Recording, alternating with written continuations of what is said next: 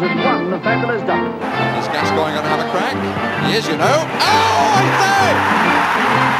Brilliant! Chivers!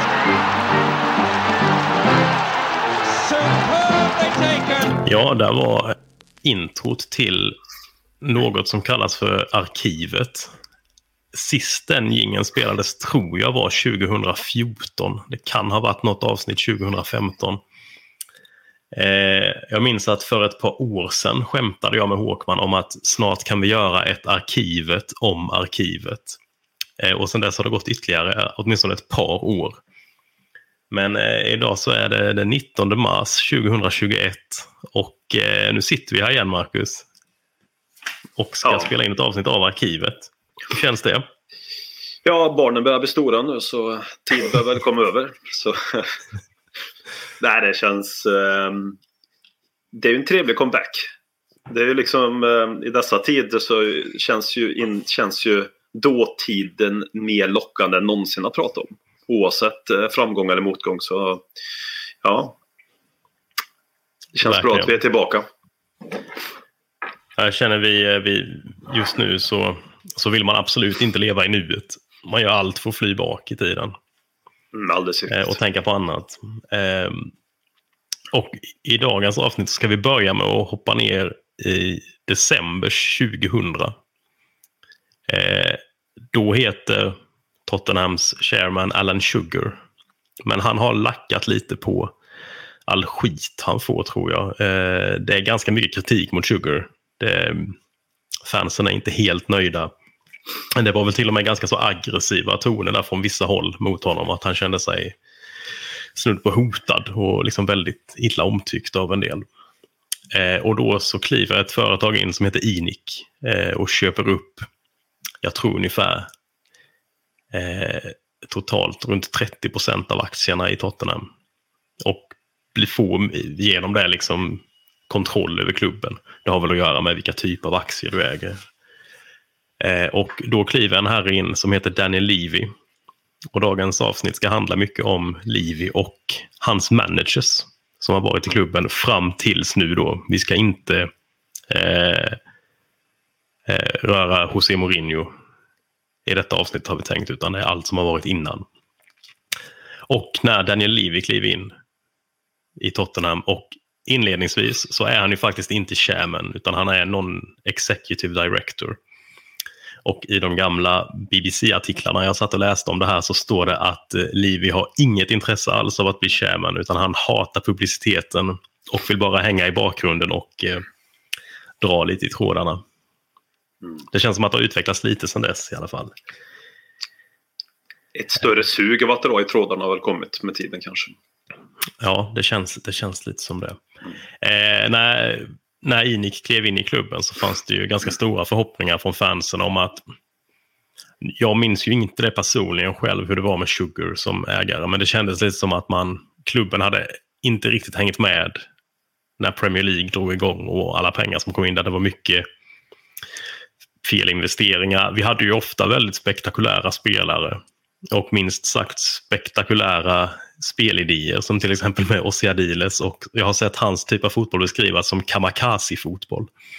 Eh, men man hoppades väl på kanske, kanske lite mer satsande, lite mer organiserad, välorganiserad klubb. Inic var ju en, en, ett företag som redan då hade varit inblandad i flera andra fotbollsklubbar. De ägde ju bland annat delar i både Rangers och eh, Slavia Prag när de, när de eh, köpte sig in i Tottenham.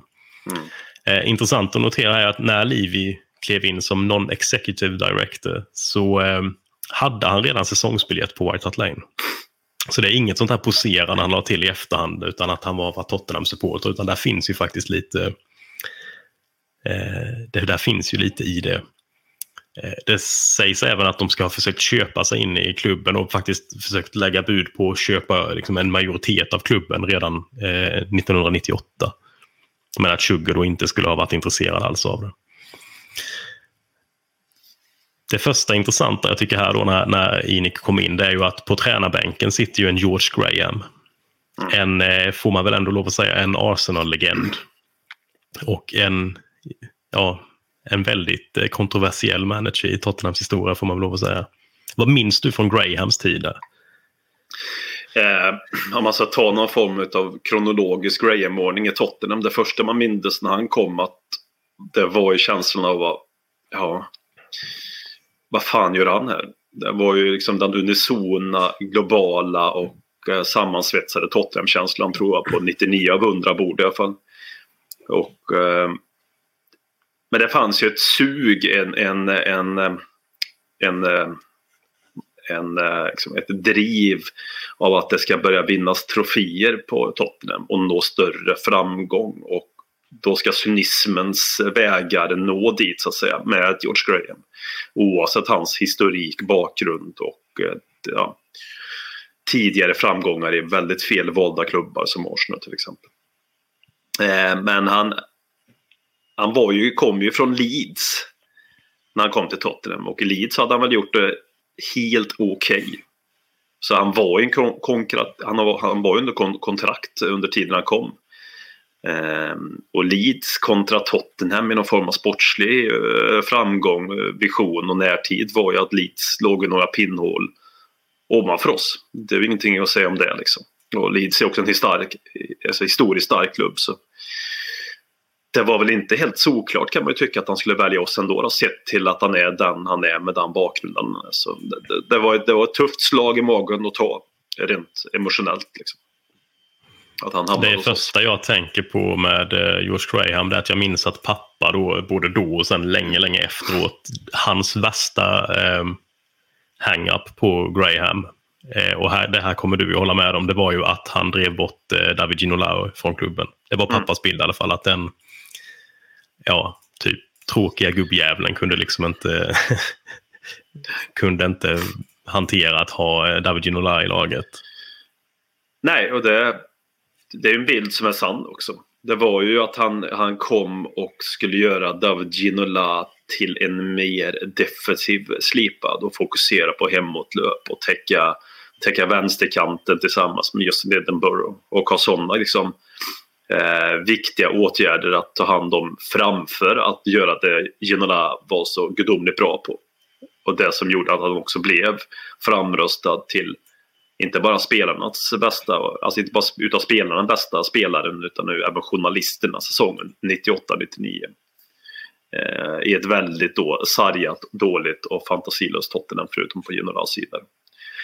Eh, så nej, visst drev han bort Ginola till Aston Villa och för det som din far går det inte att förlåta. Liksom. Det, det går inte. Det fanns inte så mycket annat att glädjas åt i Tottenham. Visst, vi vann en ligacup-triumf. Men eh, Mm. Den smakar inte så gott så att det var värt det, om man säger så. Nej. Nej, och om lite... vi går... Ja, kör ja, jag bara så. Det är ju lite där du, du sa i ett, eh, ett tidigt skede här nu om du, att Lord, eller vad han nu har för titel nu i nutid, Alan eh, Sugar, eh, blev, kände sig hotad, trakasserad och eh, ja, kände att han levde under skräck så var ju beslutet att anställa George Graham inte någonting som hjälpte till att få en mer ja, harmonisk och fin tillvaro i London. Saker och ting kan ju få konsekvenser. Sen kan man ju tycka det är fel eller rätt. Det lägger jag ingen värdering i men det får konsekvenser oavsett vad man tycker och tänker om det. Liksom. Det är ju den absolut värsta tänkbara tränaren man kunde ta i den tiden. Liksom. Så, ja, Ja, när, om man kände innan att man hade lite problem med, eh, med, eh, med PRen så kan jag inte riktigt förstå hur man eh, tänkte sig att George Graham skulle lösa det. Nej, så du, du har nog ett, ett, eh, ett Tottenham-självmord som började där och då. Den börjar väl också någonstans, nu går vi ifrån körschemat redan här och nu, men det går väl också någonstans, börjar, självmordet börjar väl någonstans redan med, med Christian Gross också nutidsaktuell mm. på något sätt. Eh, men, och sen fortsätter han med, med George Graham. Så, ja, dåliga beslut. Minuspoäng började vi säsongen 94-95 när vi hade Oscar Diles. Liksom. Minuspoäng på grund som berodde på ekonomiska, ekonomiskt haveri och ja, lite fuffens. Och då var Sugar. Jag bara menar att det som ledde upp till eh, det vi pratade om 0-0 börjar redan mitten på 90-talet någonstans Mm. Ja, nej, det var väl här liksom som Sugar hade fått nog av det och, Ja. och gick med på att sälja. Eh, om vi då eh, går tillbaka till eh, Inik och Livy. Eh, så när de kommer in så gör de det ganska tydligt att de inte vill göra några större ändringar direkt utan att det ska vara, det behövs lugn och ro. Eh, både på, i, i truppen och, och för, på träna, i, på liksom stabshåll. Eh, och det rullar på i ett par månader, men eh, i, eh, i mars 2021 så kom en intervju med George Graham ut i... Eh, eh nu ska vi se, vad fan den kommit ut? Det har jag tappat bort nu. Oavsett, det kommer ut en intervju med Graham efter att han har träffat eh, Tottenhams vice chairman David Bushler. Där Graham gör det tydligt att eh, jag berättade för honom vad jag ville. Jag vill ha nya kontrakt för Sol Campbell, Darren Anderton och Les Ferdinand. Och eh, eh, han berättar detta i pressen och sen så säger han att vi måste stärka truppen men jag fick höra att vi har tydligen inte så mycket pengar att jobba med. Och dagen efter så får George Graham sparken. Mm. så eh, Livi eller Inik, vem det nu än var som kände att det här var inte rätt väg, bestämde sig för att ja, det, vi tar och skickar honom ändå. Så det tog inte så många månader innan det ändå kom ett ganska så eh, stort beslut. Minns du detta någonting? Eller när han rök? Nej, ja, vagt sådär minns jag att han rök. Minns inte, förutom det jag också hade läst lite om dem och vi har pratat om innan. Eh, det som hände dagen innan han rök. Men eh, att han rök det minns jag och att det var en, eh, en stund av lättnad. Det, så, så vill jag ju minnas att jag minns det. Även om jag inte minns det så, så säger jag att jag minns det så. Eh, och att det var ju alldeles ett eh, korrekt beslut att ta hela, hela våren 01 annars eh, med den starten de, de fick med Inik och eh, Livi då så att säga. Om man ska bädda in dem i det här. Det, man präglades ju av Grahams avgång naturligtvis, eller spark rättare sagt. Och, men framförallt den våren, förutom att de tillträdde, var en enda lång dra, utdragen drag, drag, drag, dragplåster mot eh, Saul Campbell. Det var väl det som var framför alla. Framförallt det jag minns från våren 01 så att säga. Men det var en, ja. Där gick han i alla fall. Och gick fick han gå ganska fort när de kom. Ja, Också verkligen. lite grann örat mot rälsen. Kan jag tänka mig att det spelar roll. Att det inte Ja, var och jag tror faktiskt det var så också att det var bara ett par veckor. Eh, det tog inte så lång tid för Livi att faktiskt bli involverad. För då när, de, när klubben hade köpt, eller när de hade köpt eh, kontrollerande del av klubben, så var han ju som sagt inte, inte eh, hade han ingen exekutiv roll i, i, i organisationen. Men när Graham går så har han blivit chairman, vill jag Mm. minnas. Mm. Så, och det var väl något av hans första beslut. Det kanske var Tottenham-fanet Livi som agerade lite också, vem vet. Absolut. Hatten För när du ser på eh, vad som händer sen så kommer ju kanske motsatsen Mm. till George Graham in i klubben. Nämligen Glenn Hoddle. Mm. Eh, som kliver in och eh, tar över som manager. Alltså, symboliken är väl ganska så, ehm, så talande. Att eh, Glenn Hoddle som är, ja han är ju Tottenham. Han är ju så mycket Tottenham som det går att bli Tottenham kan man säga. Redan kom till klubben som eh, 12-åring. Eh, spelade fotboll, eh, debuterade som 17-åring. Byttes då, byttes då med Cyril. Nice one Cyril så att säga. Kom ut då Mm. och han kom in. Så att, att anställa en eh, Glenn Hoddle istället för en eh, George Graham är stark symbolvärde. Också en tränare som kom ifrån SO15 där och då. Eh, 2001. Ett SO15 som eh, anses vara bättre nu ändå. Det är viktigt att ta med den här beräkningen när vi pratar om SO15. När vi pratar om SO15, att han säsongen innan har lett dem till en 15 plats så kan det låta lite grann som, ja, ja, vad är det för märkvärdigt med det? Men SO15 då, på Eh, vad han nu hette, The den eller vad han heter redan, eh, för 15-16 000. Men Matthew Letizier som alltid klarar dem kvar i slutet på 90-talet. Det, är en, det var där och då en ganska stor bedrift. att eh, komma så pass som 15 med, med ett ja, slagpåselag som The Saints var på den tiden i högsta ligan. Så han kom ju in med, med ett ganska gott ändå resumé i Tottenham, även som tränare, inte bara som legend. Även om han är, är några år innan, så 15, varit i England och ju, ja, kanske inte har gjort sig själv gott som eh, säga, emotionell intelligens så att säga, på något sätt. När han var i England och vad var det han sa i England? Att, att de som är handikappade nu har levt ett dåligt liv förr eller någonting sånt där. Ja, det var något i stil med, med det. Han pratade om karma och att han trodde på det. Men det var också någon slags religiös grund i att han trodde på det då. Och att mm. eh, han menade det överallt och då tog han upp det som exempel. Och bland annat att liksom, ja, handikappade har gjort något liksom, i tidigare liv. Typ. Mm. Ja, men precis. Och nej, det, kanske, han kanske rörde sig intelligentare på fotbollsplanen än vad han gjorde i den intervjun. Får man väl absolut, säga. absolut. Och han hamnade hos oss i alla fall. Oavsett de där turerna i engelska, engelska landslaget. Mm. Och sen fick han ju förnyat förtroende som tränare så 15. Byggde upp sin eh, karriär på något sätt igen och hamnade hos oss igen. Och det måste ju för honom vara, och det vet man att det var en, ett extremt stort ögonblick. För han är ju och det är ju lika väl som det går att backa bandet och som du hittade med Livi, att han satt med säsongskort innan han kom till klubben. Så är ju Glenn Hoddle, ja, men det är ju en Tottenham-legend. Och det är en mm. Tottenham-supporter och det är en, ja, alltså en, en högt, högt uppsatt Tottenham-profil. Speciellt hos de som är lite äldre än oss som har sett honom mer. Så, så, så är han ju för, bland, för många den största till och med. Glenn Hoddle. Um, så att få honom i Tottenham, det är väl kanske, då, för att dra en parallell, det är kanske att få Harry Kane om 15 år kanske i Tottenham. För att dra en parallell så. Det är någon form ja, alltså Hoddle är ju, är ju, det är ju, var ju typ den tidens Kane liksom. Mm, mm, mm. Um, vi kan ju nämna här i förbifarten lite också, vi kommer komma tillbaka till honom lite senare. Eh, någon, några, ett par matcher där innan Hoddle kom in så var det ju David Pleat, den ständige caretaken som var inne mm. och vände. Vi kommer återkomma till honom. Eh, han kommer dyka upp igen som caretaker så vi, vi väntar lite med, med det. Hoddles första match då i, eh, för Tottenham var fa Cup semifinal mot Arsenal. Mm. En match vi förlorade med 2-1 tror jag.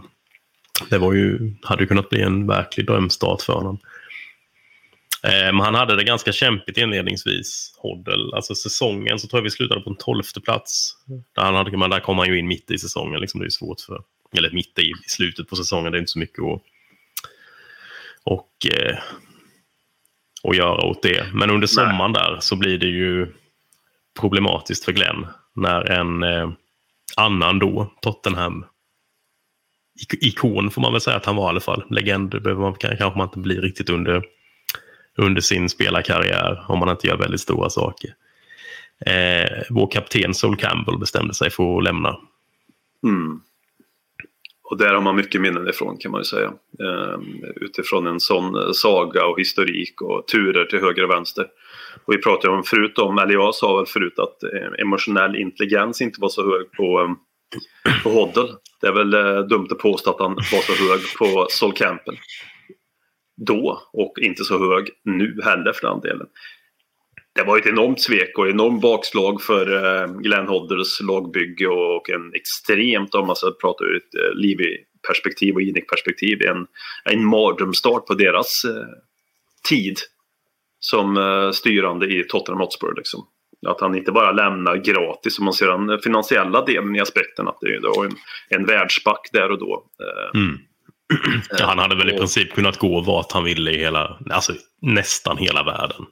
Ja, ja och definitivt när han var som bossman och även om han hade varit under kontrakt så är det en spelare vi hade kunnat få mycket pengar utav. Om man nu hade bestämt sig för gott, om det nu blivit en affär och de pengarna kanske hade kunnat investeras in i, i, i laget och truppen på ett, eh, på ett bra sätt och kunna bygga vidare. Men vi fick ju inte ens den möjligheten med den, med den övergången som hamnade på helt fel sida stan så att säga. Så det, så det där var ju en, en tufft bakslag för honom. Han, ja, han fick ju jobba med andra medel då under, under den här första första livig transfer, sommaren kan man kalla för. Mm. Det är en annan, tycker jag då personligen, nämnvärd eh, eh, departure, vad säger man, transfer, det Mm. året ut. Det är ju Ian Walker som säljs till Leicester. Är en liten Mm. personlig favorit.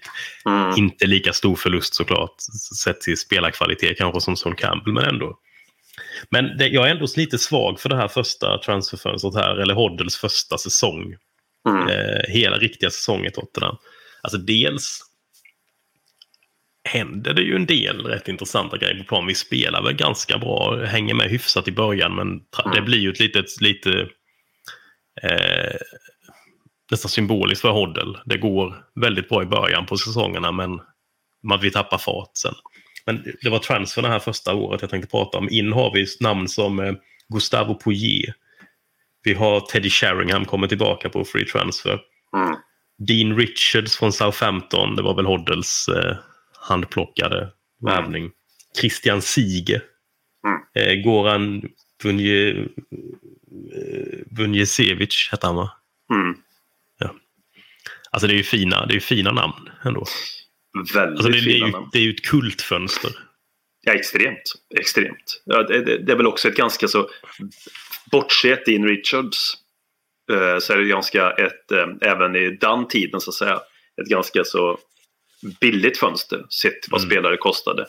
Dean Richards eh, la väl ut en 7-8 miljoner pund för någonting i den Precis. stilen. där Ja. för mig. Det var- Där, i- däromkring. Eh, mm. Medan som du sa, Sheringen var gratis. Gustavo Pet vet jag inte vad han kan ha kostat, men det kan inte varit många... kan inte varit mycket Ja, kronor. det, var, det var, jag tror det var en, två miljoner pund. Ja, men precis. Jag menar, det, det var ju en... eh, Det, det satsades på ganska mycket rutin där och då. Det första transferfönstret ändå. Eh, Sheringham vid den vevan var ju 35 år. Gustavo Pet var en, en 33-34 år han också. Målfarlig och Sige kommer jag inte ihåg åldern på men han tror jag vi tog från Liverpool om jag inte minns fel. En, en rutinerad tysk landslagsytter liksom. Mm. Så, så det, det var ju många, många härliga namn. Många härliga namn som byggde, byggde det bra. Och starten som du sa var ju bra. Jag tror han blev utsedd till månadens manager där i början också. På säsong Mm, jag tror det var 01 augusti. 02. Mm. Ja. Så vi fick ju oss en riktig pangstart som du sa där med, med Hoddle och hade ju några riktiga minnesvärda matcher den säsongen. Eh, som var på väg att skapa någon var på väg att skapa en, eh, en titel redan första säsongen för, för Inix. Alltså, eh, som, som styrande inom Tottenham med livet där. Och, och Hoddle i synnerhet. Jag, jag, jag gjorde den grejen här eh, just den här första säsongen bara för att få känna på första säsongen och sista vi gör någon gång där om sju, åtta timmar när vi ska prata om när vi ska prata om eh, Pochettino. Så jag, jag satt och skrev ner la- startelvan vi hade då. Den, den vanligaste startelvan utifrån statistik jag såg och utifrån hur jag minns det lite själv. Så kan man ändå få en känsla på att så här såg laget ut 2001-2002 i större drag. Eh, anledningen varför jag har en eh, 3-5-2 det är för att jag minns att han spelar väldigt mycket 3-5-2. Eh, Glenn Hoddle. Ahead of his Nil- time. vad sa du? Före sin tid. Han var före sin tid, ja. Eh, Neil Sullivan var ju målvakt. Han minns vi, eller? Ja, ja, ja. Ja, ja, ja, jag minns Nils minns. Ja. Sen hade vi en, en, eh, en, en trebackslinje som ofta stod av Ledley King, Dean Richards och Chris Perry. Och ute på flankerna då, så säga, från höger till att börja med då, var Mauricio Tarrico, denna argentinska Mm. krullhåriga, fantastiska högerback. Och till vänster hade vi den vi pratade om där nyss, Christian Sige. Eh, i, mittfältet såg lite olika ut men, men det har vi också ett namn, det är därför jag vill ändå få in det här för att jag vill gärna nämna hans namn så många gånger som möjligt. I mittfältet var ju även Tim Sherwood med. Mm. Såklart. Tillsammans, såklart, ja, såklart. Eh, viktigt att påpeka att han var vicekapten även den säsongen. Då. Kan, vara, kan vara viktigt för folk att veta. Eh, och och eh, hade vi även Anderton och Poyet oftast där och Simon Davis som snurrade. Det var en mer där men de snurrade rätt mycket. Och Teddy Sheringham och Les Ferdinand på topp. Det är ju väldigt många fina namn. Som du sa, ja, mycket det- kultnamn alltså. Ja, det är en helt fantastisk elva. Alltså. Fan, den, den säsongen skulle man vilja åka tillbaka och, och bara och se igen. Ja, ja, ja. Och sen så, om, förutom dem så hade vi ju namn som, jag menar, okej. Rebrov var ingen succé. Men till namnet så är det ett bra namn. Det är ett bra namn i anfallsstå. Plus, plus uh, Stefan Iversen. Mm. Det är, inte, alltså det är inte kattskit att ha de fyra framåt. Nej, nej, nej. På papper i alla fall. Och, så här, och i, i realiteten var det väl i alla fall tre av dem som, som höll nivån. Mm. Eh, alltså, nej, det är en fantastisk elva. Alltså. Och det är så fint att, att eh, King var med redan då där bak. Ja. Med liksom Sheringham och Ferdinand. Mm. Ja, det, är, det är många generationer som möts någonstans. Och eh, många spelare man minns med, med, med värme. Liksom, i, både ur Tottenham-perspektiv och ett historiskt perspektiv oavsett vad. Så att säga. Och med Dean Richards, det kan man väl också nämna Dean Richards där också. Som, ja, det blev inte riktigt som det var tänkt sig för. Skador och skit gjorde att han fick sluta karriären tidigare och sen hände ju annat hemskt och tråkigt för en ung man som han. Men, men i ett fotbollsperspektiv så, så var han väldigt skadebenägen och växlade inte ut som han gjorde under så 15. För det var ju som du sa en handplockat ett handplockat nyförvärv från hans tidigare arbetsgivare, liksom Glenn Hoddles tidigare arbetsgivare med så 15. Där. Ehm, ja. Nej, säsongen känns ju också som en säsong där, där det, alltså nog för att kultlaget är ett kultlag ändå, men eh, vi hade ju, vi hängde ju med i början, hade känn på Europaplatserna, men Mm. i ligan så rasade det lite på slutet och vi slutade på nionde plats. Mm. Men det blev en ligacupfinal Mm. som vi tyvärr förlorade mot, då, mot Blackburn Rovers med 2-1. Eh, men där är det väl det mest intressanta med den ligacup eh, eh, ligacupen det året. Det får väl ändå lov att säga eh, returmötet i semifinalen mot Chelsea som vi vinner med 5-1 hemma efter att ha förlorat med 2-1 på bortaplan. Mål av Iversen, Sherwood, Sheringham, Davis och Rebrov. Jag hör. Hemma på White Hart Lane. Ja, alltså det är fan, eh, det är nästan lite gåshud här bara sitta och Ja, ja, prata ja. om det. Det är ju liksom Juan de Ramos eh, 5-1 mot ja. Arsenal. Fast, fast då, alltså. Ja, ja, ja, verkligen. Och Chelsea var ju inget lag då som vi vann speciellt ofta mot heller. Jag menar, de eh, hade ju fått ganska så duktiga spelare redan där och då. var ett ganska så duktigt lag. Så att tvåla dit dem med 5-1 januari Mm. 2002. Ja, du kan ju tänka dig stämningen var på White Hart Lane där och då. Liksom. Det, den matchen finns, eller fanns i alla fall ute på YouTube för ett Oh. tag sedan i sin helhet. Så Mm. det är väl lite ett eh, YouTube-tips. Där har vi kanske en Ledley Kings knä special någon gång, att vi bara sitter och kollar på den. Ja, och bara njuter. Mm. Och ser när målen haglar in som spö i backen. Liksom. Nej, men det, det var en, en, en, härlig, en, härlig, en härlig match på alla sätt. Liksom. Och mot ett härligt lag att vinna med de siffrorna mot.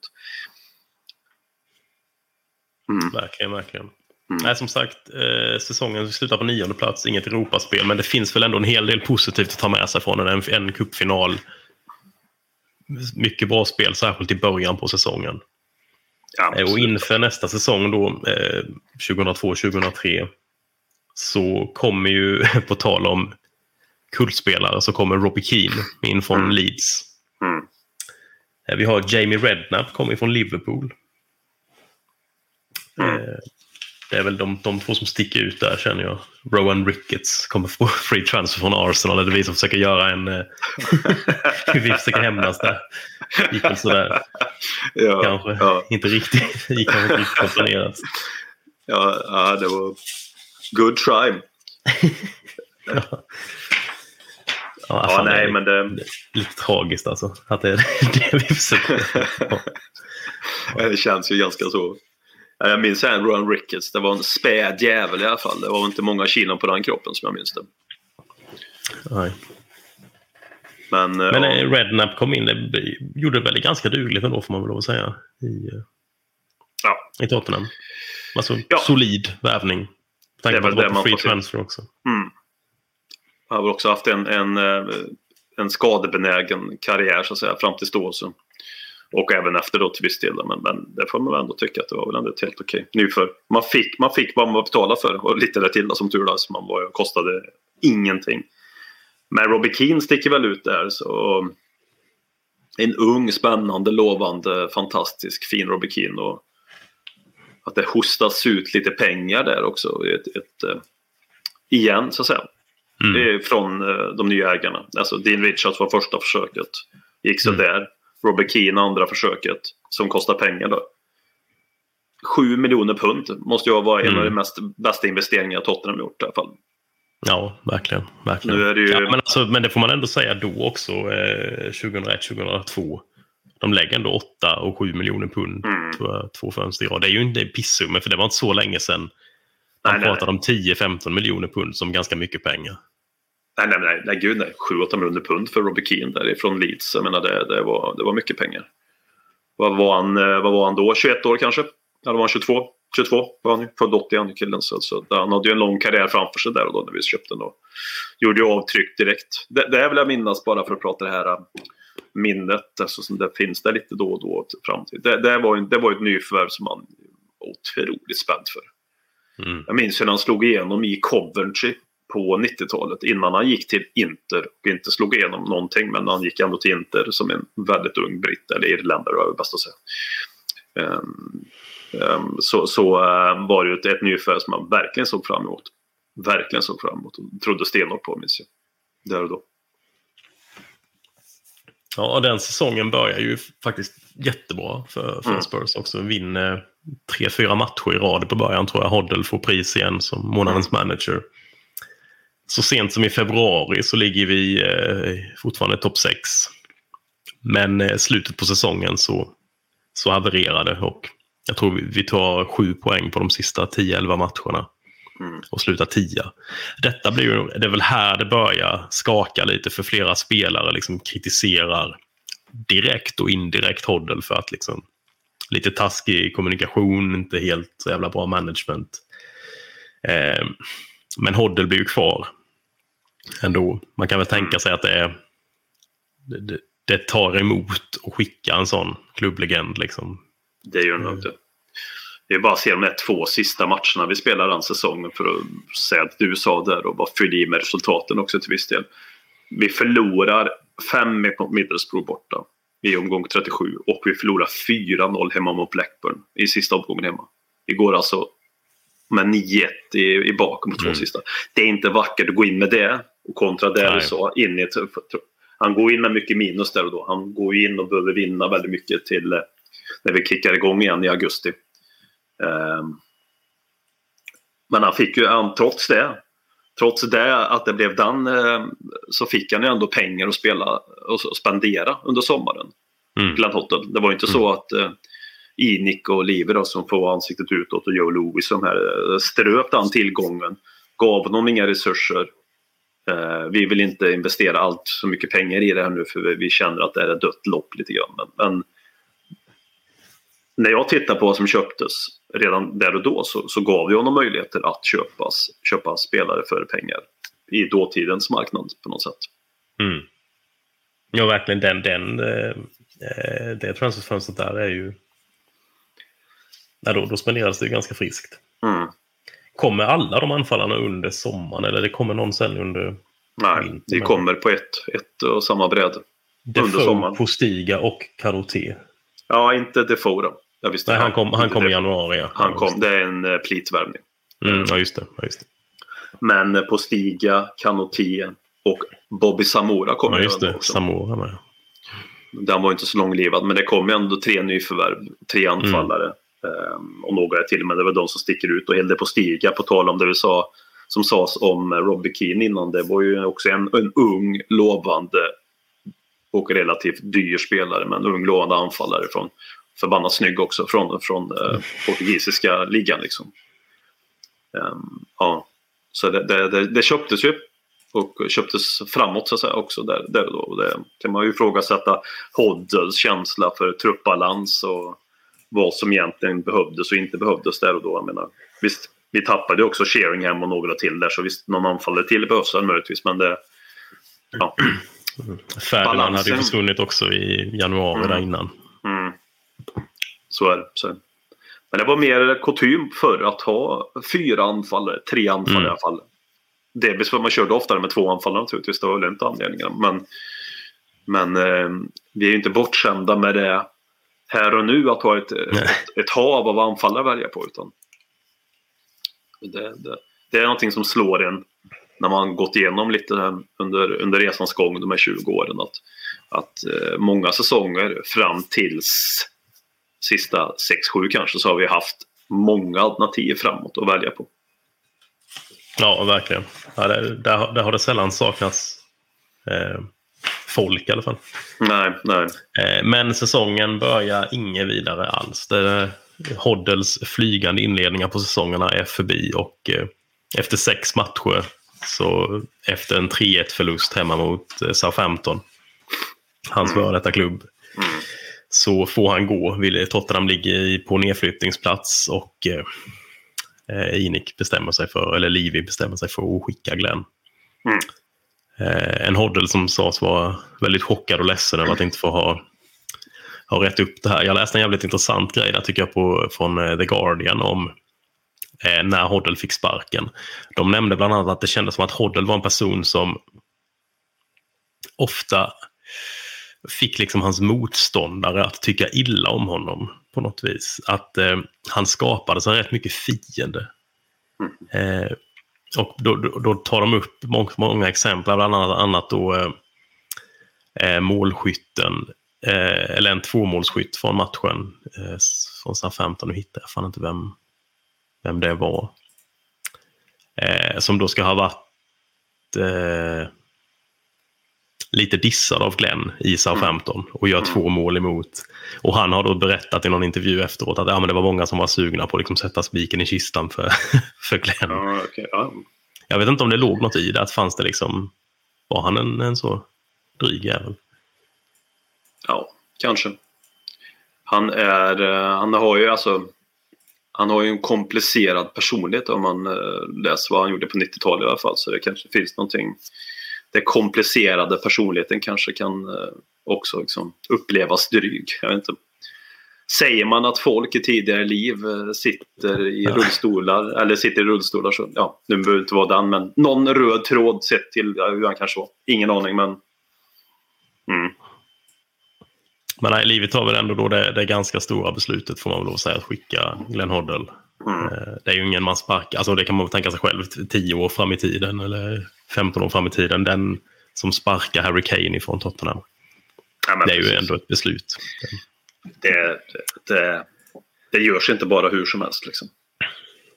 Det var nog säkert en, en personlig favorit för, för Livi själv också. Jag menar, han har nog växt Mm. upp och sett Hoddle spelat eh, vacker fotboll under hela, hela 80-talet och en bit på 70-talet också. Så jag menar, det var nog inte hur lätt som helst för honom själv där. Tänker heller ur det perspektivet som vi nyss pratade om. Nej, nej. Nej. inte. Eh, Men in då så kommer inledningsvis som en caretake manager. Men det får man väl ändå lov att säga att det blir en ganska lång caretake. En Otroligt caretaker. David Pleat kom in då alltså i inför omgång sju Mm. på säsongen och blir kvar hela säsongen. Mm. Det som väl är lite intressant här är att han, vi slutar ändå på 14 plats Mm. den säsongen. Men han får ändå vara kvar. Alltså, vi, vi får inte in någon annan. Det hittas väl ingen direkt som man eh, känner passar Nej. i Tottenham. Och, då har man Och det är ju en, lite intressant. En, det är väldigt intressant. Och att man hittar någon form av... De, de litar väl på, på Plit. Han har ju en lång historik i Tottenham. Och, en, Ja, en, han, han, han flög väl som mest 86-87. ja, Eh, då var han ju manager. Det, var ju den här, det finns säkert ni som har läst lite, lite Tottenham-historia måste känna till Clive Allens mål, eh, Mm. Det är, väl, det är väl Plit som är manager då när Allen gör 42 mål eller vad det är på en säsong. Mm. Och spottar in mål. Vi har ett helt, väl då vi har det här fantastiska mittfältet med, men det är väl Hoddle. Är det Hoddle, Waddle, Adiles? ja, Eh, Hoddle är ju där. Uh, Waddle är där. Ardiles. Nej, ja. Adiles har kanske dratt. Han har- ja. Det stämmer. Han, de var väl inte ihop. Men då är ju Hoddle och Waddle där. Paul Allen är där. Mm. Mm, ja, Eh. precis. Och då är ju Plita och vi slutar trea i ligan. Eh, förlorar väl fa Cup-finalen mot Mm. Coventry och semifinal i ligacupen. Så han hade ju ändå eh, gjort sig förtjänt av att, alltså han hade ju gjort det bra i Tottenham tidigare. Men det är lite, det är lite eh, anmärkande att han får hela säsongen ändå, för det går ju uppenbarligen inte skitbra för oss. Nej, nej. Nej, nej. Det är ingen... Um, det är en sak om vi hade summerat säsongen som du sa och inte såg fyra utan såg sjua kanske istället. Då. Mm. Då hade man kunnat se logiken att han hade jobbat till sig förtroendet men under resans gång att, att vara kvar. Den specifika exakta anledningen vet jag inte men det måste ju hängt ihop med att vi, vi, vi hittade inte det vi ville, ville skulle ta över där och då. Liksom. Och kanske väntade in en uh, viss tränare. Jag vet inte riktigt hur turerna gick där. Um, det kanske du har svaret på men, men, um, men um, nej. Eh, nej, inte för egentligen förrän vi väl får in vår nästa tränare. Men vi får nej, runda av eh, Hoddle eh, eran här lite. Nej, fan en grej till med Plit. Det är anmärkningsvärt. Han fick inte lämna den här säsongen, men det är fan anmärkningsvärt varför han fick lämna första gången han var i Tottenham. Det har ju ingenting med Livio att göra. Nej, nej, men men eh, det, det som, som britterna kallar för curb crawling. Mm. Hade han åkt dit för... Eh, polisen hade varnat honom tre gånger för att han gled runt i sin bil och letade efter prostituerade. eh, Sån jävla bizarr anledning till att få kicken. Jag gillar också ändå när du är, du är manager för det. Det är ändå 87. Det är ändå tre, alltså, tre gånger. Tre gånger hade han blivit varnad för det. Eh, och det, det, kom då ut i media och efter det så, eh, så tog Spurs och kickade Plit för första gången och tog in Terry Venables. Ja, ja. Men sen så, ja, ja, sen så 15-16 år senare då var det glömt och då fick han komma tillbaka igen. Nu var han tillbaka. Ja, han, jag antog att han inte curbcrawlade när han var tillbaka i den här vändan. Nej, nej. Nej, han kanske har lärt sig av sina misstag som han ansåg då. Jag inte. och rör sig på annat sätt. Jag vet inte vad han... Ja, det, det låter ju lite genant, måste jag säga. Mm, mm. Och få sparken av det. Anmärkningsvärt. Ja, ja, ja. ja, ja. Tre, tredje gången gilt då? Eller vad säger man? Tvärtom? Mm. Nej, men om vi ska, om vi ska eh, försöka sammanställa liksom, Livi och Hoddle. Vad säger mm. man egentligen om det? Alltså på pappret, det känns som en... Det är ju en väldigt fanvänlig ut, utnämning. Mm. På pappret känns det ju inte helt fel heller, som du sa tidigare, med hans jobb i Southampton. Han, han var ändå varit England-manager, så det, det fanns ju folk trodde ju på honom. Mm. Värvningarna får man väl säga, det satsas ju lite, kanske lite eh, felbalanserat. Mm. Skulle man säga att Hoddle är en, eh, alltså det är ändå en godkänd. Ska vi sätta någon slags G, VG, MVG? Ja, vi kan väl sätta något sånt kanske.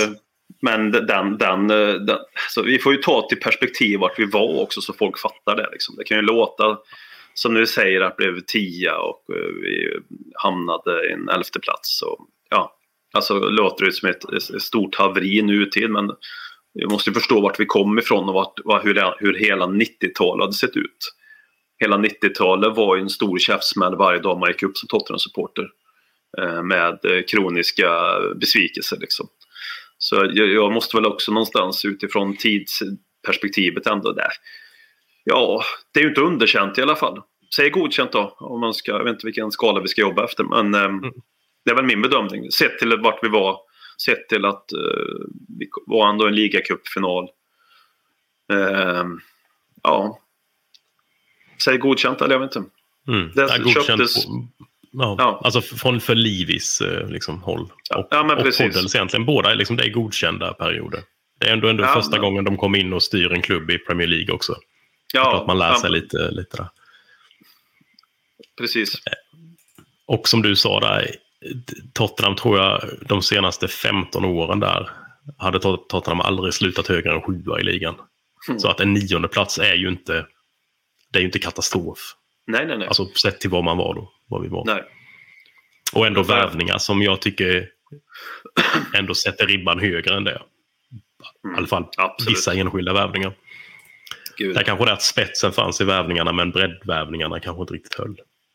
Nej, nej, och helhetstänket kanske inte hade kommit där då hur, hur man bygger ett lag. Alltså det, det, det, han kommer ju ändra sätt hur man bygger upp från tränare till eh, sportchef och så där längre fram i det här avsnittet. Men, men det, där då så kanske man inte hade den här helhetsbilden att sätta en struktur på ett lag och bygga balans i ett lag och man, man värvar. Utan det var mycket anfallare, de kostade lite pengar men det var ändå anfallare som inte bara hade gjort sitt utan hade sitt framför sig då. Så, så det, det tänket var vart Livio och Inik bestämde sig att, att lägga in pengar. Som på Stiga, som Robbie Keane, den ena lyckade, den andra inte, men det kan man ju aldrig veta. Så, så det känns ändå som, ett, som, som bra beslut. Dean Richards lade också, också in pengar på. Kändes jätterätt att lägga in då för att få någon ersättare till Sokampen. Sen är det skador som, som satte stopp för karriären. Det kan man ju inte heller riktigt eh, blamea dem för så att säga. Så jag, jag, tycker ändå att de, de börjar visa lite, lite muskler och lite ambitioner och lite framtid mm. för Tottenham utifrån vart vi var och vart vi ville hamna. Liksom. Så vi lämnar David Pleat och 14 platsen bakom oss tänker vi och ger oss in i detta ändå nog ändå okej, okay, sommaren eh, 01 i all ära, men eh, sommaren 2004 är ju eh, den är speciell. Eh. Tottenham letar ny manager. Man har vänt sig ut till kontinenten inledningsvis. Har jag för mig att man var ute efter eh, Claudio Ranieri. Mm. Så efter att han hade lämnat eller fått sparken från Chelsea. Men eh, Ranieri anslöt sig till Valencia istället, tog jobb där. Och då vände sig Tottenham till en eh, Jacques Santini mm. som hade varit Lyon-manager. Och det var väl där egentligen han verkligen slog igenom. Eh, och gjorde väl Lyon till i princip Frankrikes bästa lag. Eh, sen tog han över eh, landslaget. Skulle bygga upp det igen efter eh, 98-02 generationerna. Det var dags mm. att liksom, de hade blivit för gamla, något nytt skulle in. Mm. Eh, men Tottenham lyckades locka sig till Santini då. Och här var det väl liksom, man ville göra sitt statement att nu skulle vi satsa, vi ska liksom, vi är bättre än sjundeplatsen, liksom, vi, vi ska slå oss in. Det var väl liksom topp fyra, topp sex som var målet, alltså ute i Europa. Ja, ja, ja. Och inte bara att Santini kom in, en sportchef hämtas in också, mm. i Frank Arnesen. Mm. Som ansluter ifrån Eh, vad fan var han i? Var det PSV han var i? Mm. I Nederländerna. Stämmer. Eh, och eh, det märks ju på de här transferfönstren att det har kommit in en sportchef. För jävla vad det händer grejer. I de här första. ja, det, är alltså, det, det smattrar. Men in och ut. Det, det smattrar rejält alltså. Det måste man ändå säga det vi pratade om förut, att det inte köps eh, över en helhetsplan utan nu, nu köps det lite spelare lite överallt. Och, ja, det byggdes, det byggdes med, en, med en tanke på nutid och framtid så att säga. Tycker jag när jag ja, ser lite, de som ja, har kommit. Exakt. Ja. Mm. ja, det är ju väldigt blandat. Det är ju en del liksom free transfers som plockas in. Som vi har liksom Paul Staltieri, eh, Timo Tainio. Men vi har också Michael Carrick. Michael mm. Dawson kom in, men det är väl i januari sen i säsongen. Där, han kom över mitt i säsongen. Han och Andy Reid kom tillsammans. Ja, vi har Paul från, Robinson från Leeds. Mm. Mm, precis, från Nottingham. Vi har Erik Edman, kommer från Heerenveen. Mm. Reto Sigler, ja det är helt, alltså det är helt fantastiskt transferfönster sett till mängd i alla fall. Aaron Lennon kommer ju.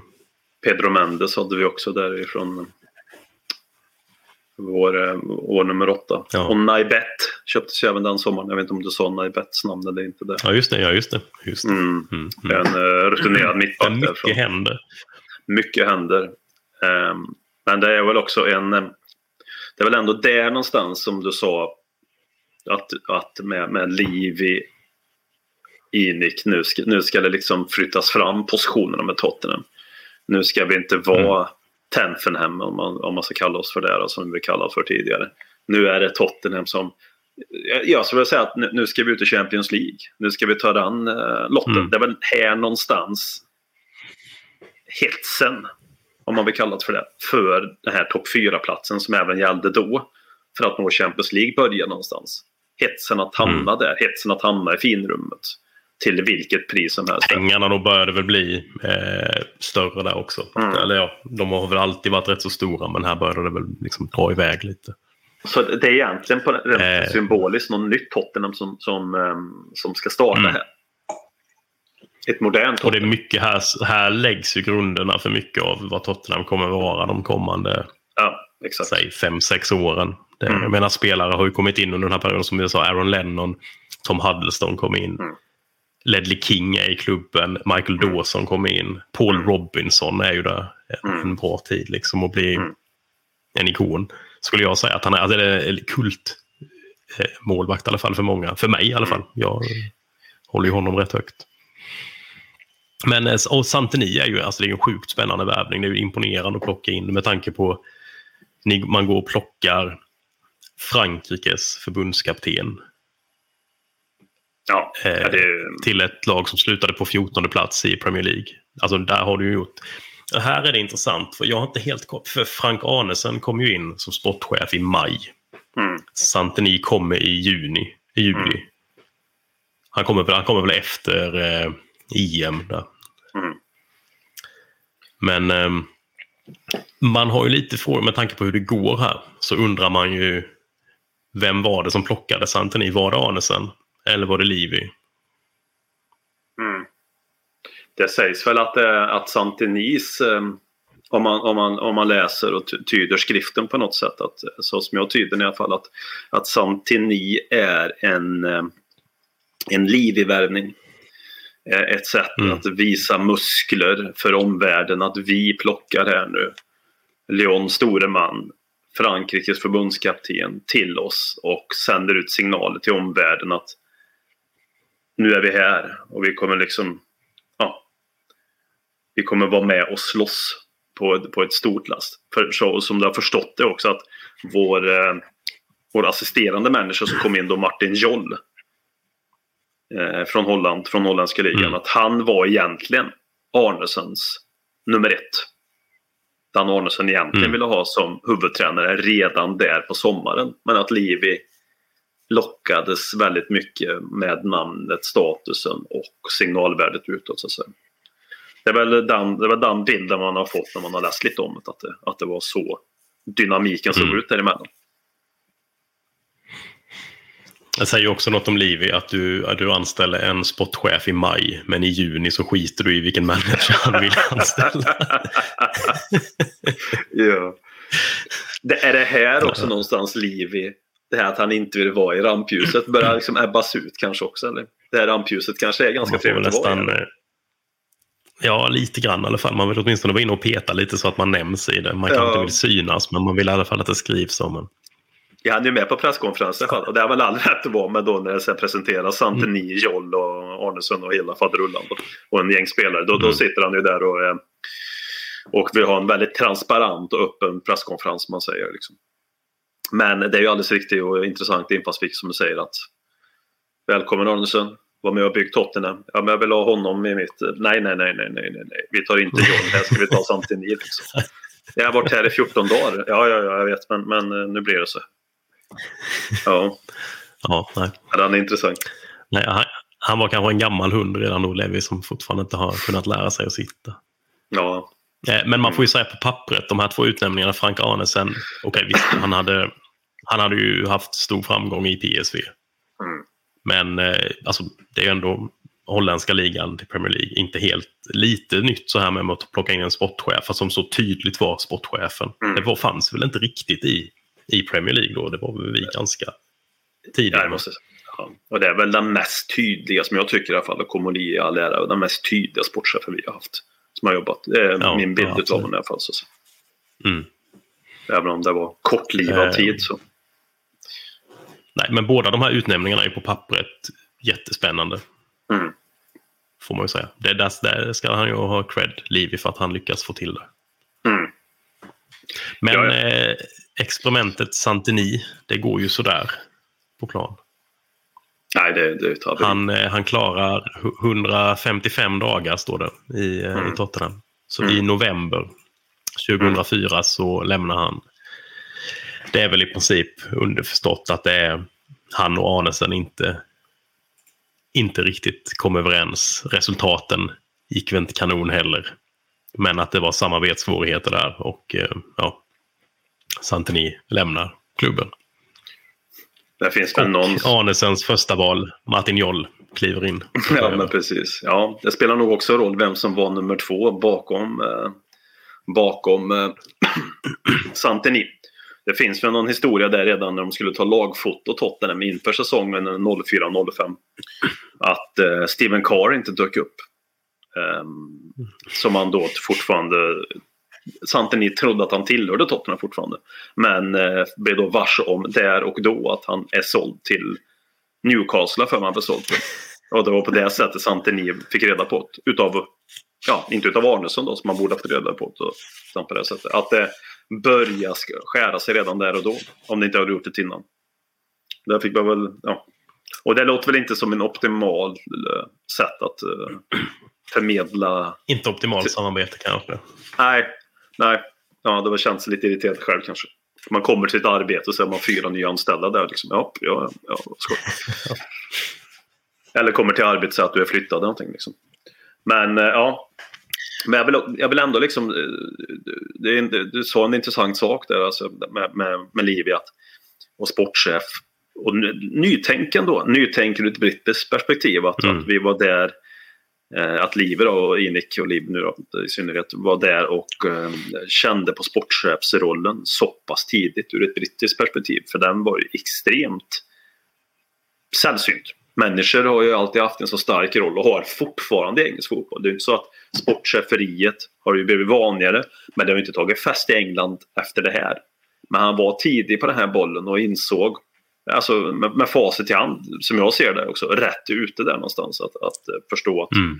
tränaren kan komma och gå, man måste ha ett samarbete däremellan, men hitta, hitta något eh, länge. Han vill väl hitta ett långsiktigt perspektiv kan jag tänka mig på, på det här med, med sportcheferiet. Liksom. Så och, och Arnessons legacy, sett till att det var han han anställdes utav Livi, har ju alltid liksom diskuterats ganska mycket kan jag tycka, uh, Tottenham. Den unisona bilden är att, att det bara var typ skit med tiden i Arnesen. Och skit under tiden i Arnesen, det fanns det definitivt, eller det avslutades definitivt i skit. Men det som han hann köpa in och den balansen han hann sätta där och då med den tidslinje de spelarna hade som du sa. Ja, det, det går ju inte att kritisera för som jag ser. Nej, nej, vi kommer ju komma mer till avslutningen på, på Arnesens mm. eh, kortvariga session i Tottenham. Mm. Men eh, nej, jag håller med. Alltså det, det, jag håller med dig också om att där tycker jag, jag sitter ju nu eh, 16-17 år senare och tycker att Livi hade rätt då i hur mm. det skulle funka med en sportchef. Mm. Men att, att eh, det nog kanske inte är rollen det är fel på utan vilka som har satts där eller vilka befogenheter de har fått eller liksom långsiktigheten eller bristen på långsiktighet i en del av sportcheferna som har kommit och, och gått i Tottenham. Att det är där det har fel, att, att det måste få ta tid och kanske då, som vi pratade om här precis, att du har utsett din första sportchef men en månad in så utser, mm. utser du en annan manager än den han vill ha. Mm. Livi måste kanske förstå att han inte är den sportchefen och ta det steget. Det sitter jag ju nu och tycker. Och här hittar ja. man bevis på att där, där fanns det sådana fel för 16 år sedan. Mm. Eh, men själva utnämningen, Santeni, själv är ju jättestark, tycker jag. Mm. Det är lite svårt att betygsätta Santini rättvist kan jag tycka med tanke på det man vet om allt som var omkring honom nu. Mm. Men så det är väl egentligen bara att dra ett streck över honom. Liksom. Det, var, det blev mm. fel. Det var, det, var, det var dåligt av Livi och det var dåligt av Santini. Men, men liksom sett till vad, hur det agerade. Så om Arnesen inte ville ha Santini, då var ju Santini fel utnämning. Ja, ja. Även om Santini sett själv kanske hade varit en kanonutnämning. Mm. Men antingen så får du ju satsa på din sportchef eller inte. Så vi kan säga att Frank Arnesen-utnämningen, kanon. Alltså, jag skulle sätta fan MVG nästan på den. Den är mm. perfekt. Mm. Sen kan ju Liv, alltså vad kan Liv göra åt? Vi, vi kanske ska gå vidare med Frank Arnesen nu för jag tycker han är sjukt intressant. Mm. Eh, han är i klubben i ett år, för redan under våren här va, 2005, mm. så vill ju Abramovic ha över honom till Chelsea. Och Arnesen deklarerar att han vill till Chelsea. Mm. Och Livi eh, vägrar ju låta honom gå. Um, För de ville väl lösa honom, liksom, men så säger nej, du får inte gå till dem mitt under säsongen. Och han sätts ju på någon slags sån här, liksom, ja, du, du, han stängdes väl av av klubben så han fick liksom inte vara och jobba direkt med klubben. Men han var fortfarande anställd av dem och fick liksom inte... Eh, ja, Mm. han, kunde Ja. inte, han kunde inte gå någon annanstans. Ja, han blev avstängd helt enkelt som du säger. Så, det, Mm. så ja, under Men sommaren... det finns en fantastisk story här efter säs- Ja, men det är en fantastisk story här på, sin, på hans sista dag. Arnesen, han ska in egentligen och bara liksom lämna klubben. Det är sista dagen inne. Och då när han är inne så ringer eh, Livi och säger till honom att varken eh, han eller John Alexander som var klubbsekreterare då, club secretary, fanns där inne och de skulle signa eh, Rasiak. Så Arnesens sista aktion i Tottenham är att gå in och skriva på papperna för Rasiak samma dag som han ska lämna. det, är- det är fan speciellt alltså. ja, ja, ja. Ja, det, ja. Men de, de, de, om, jag är helt, om jag är med på det rätt så fick Tottenham ändå typ 5 miljoner euro eller pund för Arnesen när han gick till Chelsea. För han var ju under kontrakt. Så de fick ju lösa ut honom. Och det var en hisnande summa där det och var- då. Liksom. Mm. För en Ja, ja, eh, ja, ledare för en av något slag. Liksom. Ja, ja. Mm. Så det, ja. Nej, av, avbrottet där var väl allt En- annat än bra. Nej, nej, och det var väl att han, han öppet liksom i princip deklarerade att han ville till Chelsea också. Mm, mm. Men visst, det var väl antagligen sjuka pengar då han erbjöds också. Det var ju verkligen den tiden där Chelseas pengar, det de hade var ju på en helt annan nivå än, än egentligen nästan resten av Premier League. Så från, från, för honom sett professionellt kan man ju förstå det, men ja. Det var trist för utnämningen av honom, om man bortser från detta, är ju felfri. En, en, kanske en av de bästa utnämningarna som Arnesen gör under sin tid är ju att han sätter eh, John McDermott i akademin. Mm. Som sen var kvar. Det var ju 2019 han lämnade. Det är det i intervjun med eh, när vi träffade Carl Hurst för ett par år sedan. Vi pratade om ungdomsakademin. Mm. Han lyfte ju honom. Det var ju precis när det gjordes officiellt att McDermott skulle lämna Spurs för att gå till, eh, till FA. Det är ju en Arnesen-utnämning. Jag tror han gör det under våren eh, 05. Och det är ju då den akademin sen som bland annat får fram Harry Kane och, och många andra spelare. Mm. Eh, så även där, den biten satte han också, Arnesen. Nej, jag, jag, jag har svårt faktiskt, att se, men det är väl klart, det, det, det, det, det svärtas väl ner av hur han lämnar. Att man liksom förbiser. För jag menar, om du listar spelarna här som kom in. Eh, så har vi har Michael Dawson, vi har eh, Aaron Lennon. Eh, Edgar Davids är ju en alltså, kortsiktigt kanonvärvning. Ja, han var ju fantastisk. Fantastisk alltså. Nej. Mm. Ja, men det var ju många bra liksom. Fan, Pedro Mendes med. Ja, Pedro Mendes. Hade Sean Davis också mittfältare som var i fullen på den tiden. Innermittfältare, hårt Mm. arbetande, väldigt duktig. Paul Robinson stod över tid. Mido kom under, eh, under, eh, under en lånperiod och visserligen sen blev han signad. Carrick, Naibet, Erik Edman. Michael Alltså, Carrick. Carrick är ju... Ja. Ja, den är ju det är en fantastisk fotbollsspelare i Tottenham. Eh, efter det så att säga. Mm. Så det, det, det var en tråd också i, i, i nyförvärven som kom då.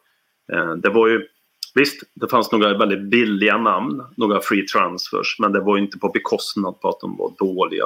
Det fanns också ett, ett något, Naivett kommer in en, en etablerad rutinerad mittback som kanske kan kräma ur ett år till på karriären.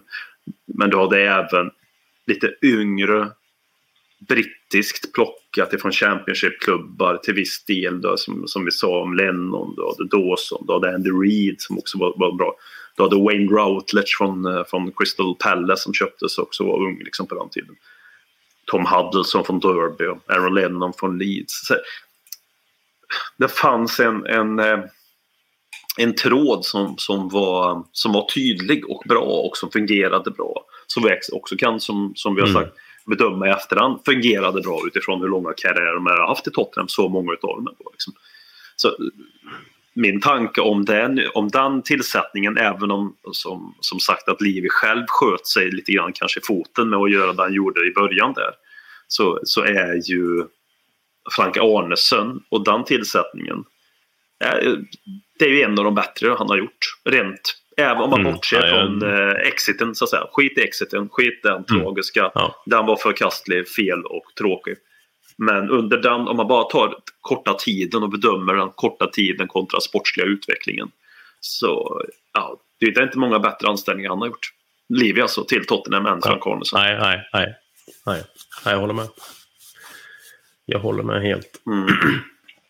Eh, den här säsongen eh, då 04-05. Mm. Hur fan slutade? Vi, vi, vi stuvade upp det ganska okej. Eh, minns fan inte var vi slutade. Är det inte typ? Nia Vi slutade i nia, ligan. va? Nia ligan. ja, mm, stämmer. Och, Vi eh, missade Uefa-cupplats med eh, två poäng. mm, Och det är ju då Martin Joll som har kommit in assisterande. Den kramgoe farbrorn från... Alltså jag får sådana myskänslor av Martin Joll. Mm, Bara jag tänker på dem. Jag blir, blir alldeles varm i kroppen. mm. Ja, nej. Vad minns du där? Om du tar lite Joll här nu. Hans... Eh, Jolls inledande tid. Hans inledande tid.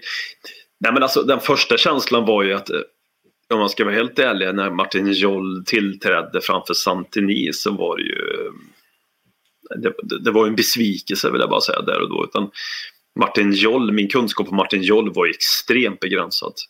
Att det var någon som varit i Holland och spelat engelsk fotboll tidigare fick man ju till sig. Men jag hade ingen jävla blekaste aning om det. var. Santini däremot, man blev ju liksom själv det kanske det som han ville ha.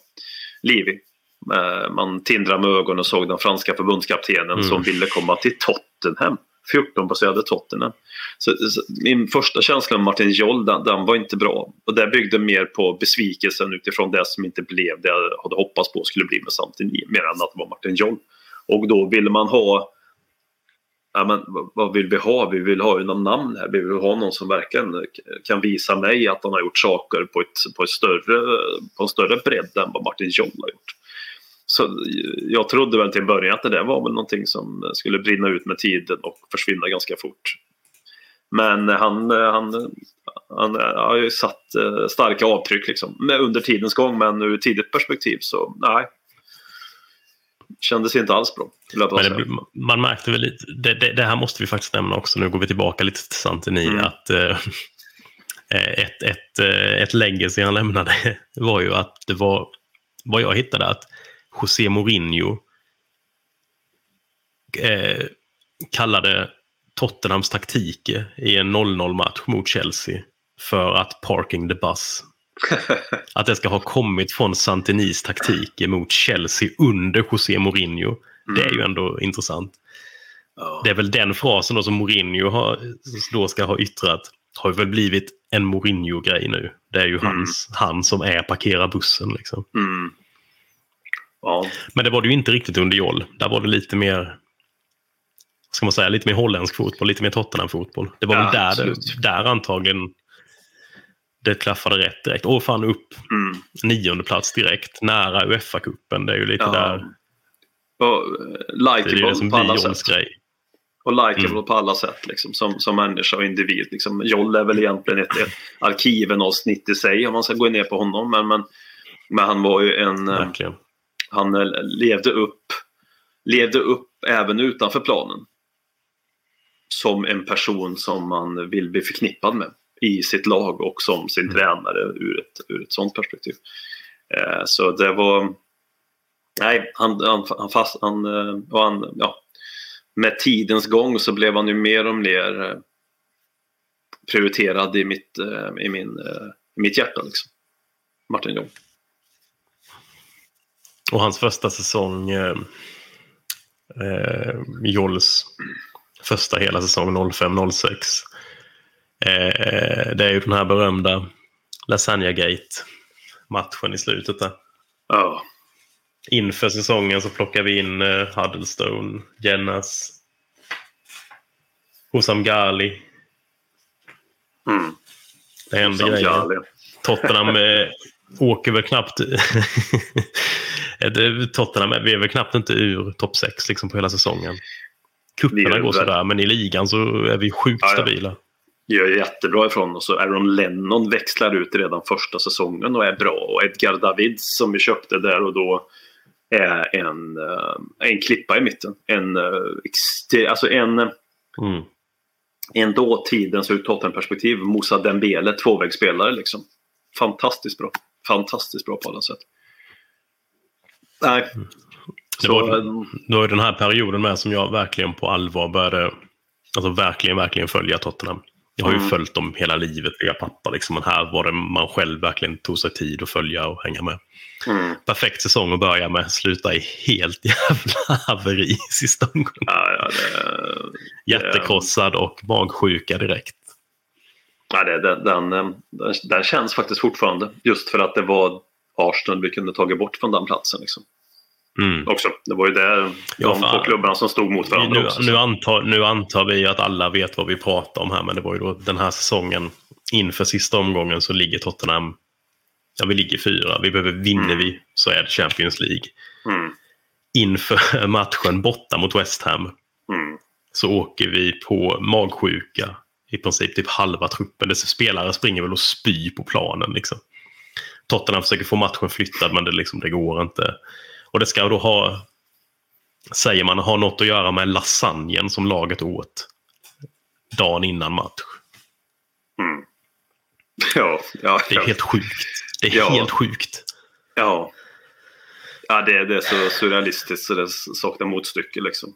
Den, eh, mycket sånt där som är skit ifrån dåtiden vill jag gärna ha kvar för att det, liksom, det finns något vackert i men den här, den här skiten den, den går inte att jobba sig bort med. Liksom. Den, den, är, ja. För säsongen i sig, spelmässigt i sig, Joll har satt sig, uh, Liv är lite rätt. Ger betyg där, det är- en bra säsong, det är en fantastisk säsong. Tottenham fan, Ja, har ju vaknat till liv på något Sluta sätt. femma direkt ut i FA-cupen. Ja, ja, ja, ja. Med, med och känn på det här liksom. Vi har fått vittring på det här livet nu. Där uppe på något Mm. sätt. Och ambitionsnivån har inte, nu är det inte bara att vi pratar om att vi ska nå Champions League. Nu nådde vi ju inte det. Men att nu, nästa säsong, säsongen efter, nu ska vi nå Champions League. Liksom. För det var ju det alla pratade om Mm. där och då. Det var ju den där Champions League. Men ehm, nej. Fantastiskt bra. Fantastiskt bra. Ja, så inför säsongen efter då så eh, blir vi ju av med en jävligt viktig kugge i laget. Michael Carrick Mm. går till Manchester United. Mm. Man, tanken är väl att typ ersätta honom med Didier Sokora som kom in ifrån, eh, ifrån Saint eh, Etienne. Det- Sokora var en värvning jag minns jag var sjukt spänd på. Det minns Mm. jag pappa med pratade mycket om. Det, så att det ska bli coolt att se Sokora. Han var så jävla bra i VM. Eller vad han var. Alltså, Ja, eller för Belskusten. Ja. Man, man Ja. bygger mycket av, eh, ibland som man inte sett vissa spelare, vet man ju själv. Två bra matcher i VM så är man, vet, man är Mm. helt såld på dem. Liksom. Det kommer bli riktigt bra. Mm. Nu var väl Sokora kanske ingen Carrick direkt, men jag var ändå svag för Sokora. Ganska olika spelartyper. Inte riktigt så att det är så... Att, att, Nej. det, är så, det är ju mer en Huddlestone som kanske skulle ha äh, ersatt en Carrick. Liksom. Sett Ja, ja. Typen av spelare. Ja, ja. Vi har var väl en mer här är ju- traditionell. Detta är ju också ett ganska fint fönster, då får man lov att säga. Visst, Carrick ut.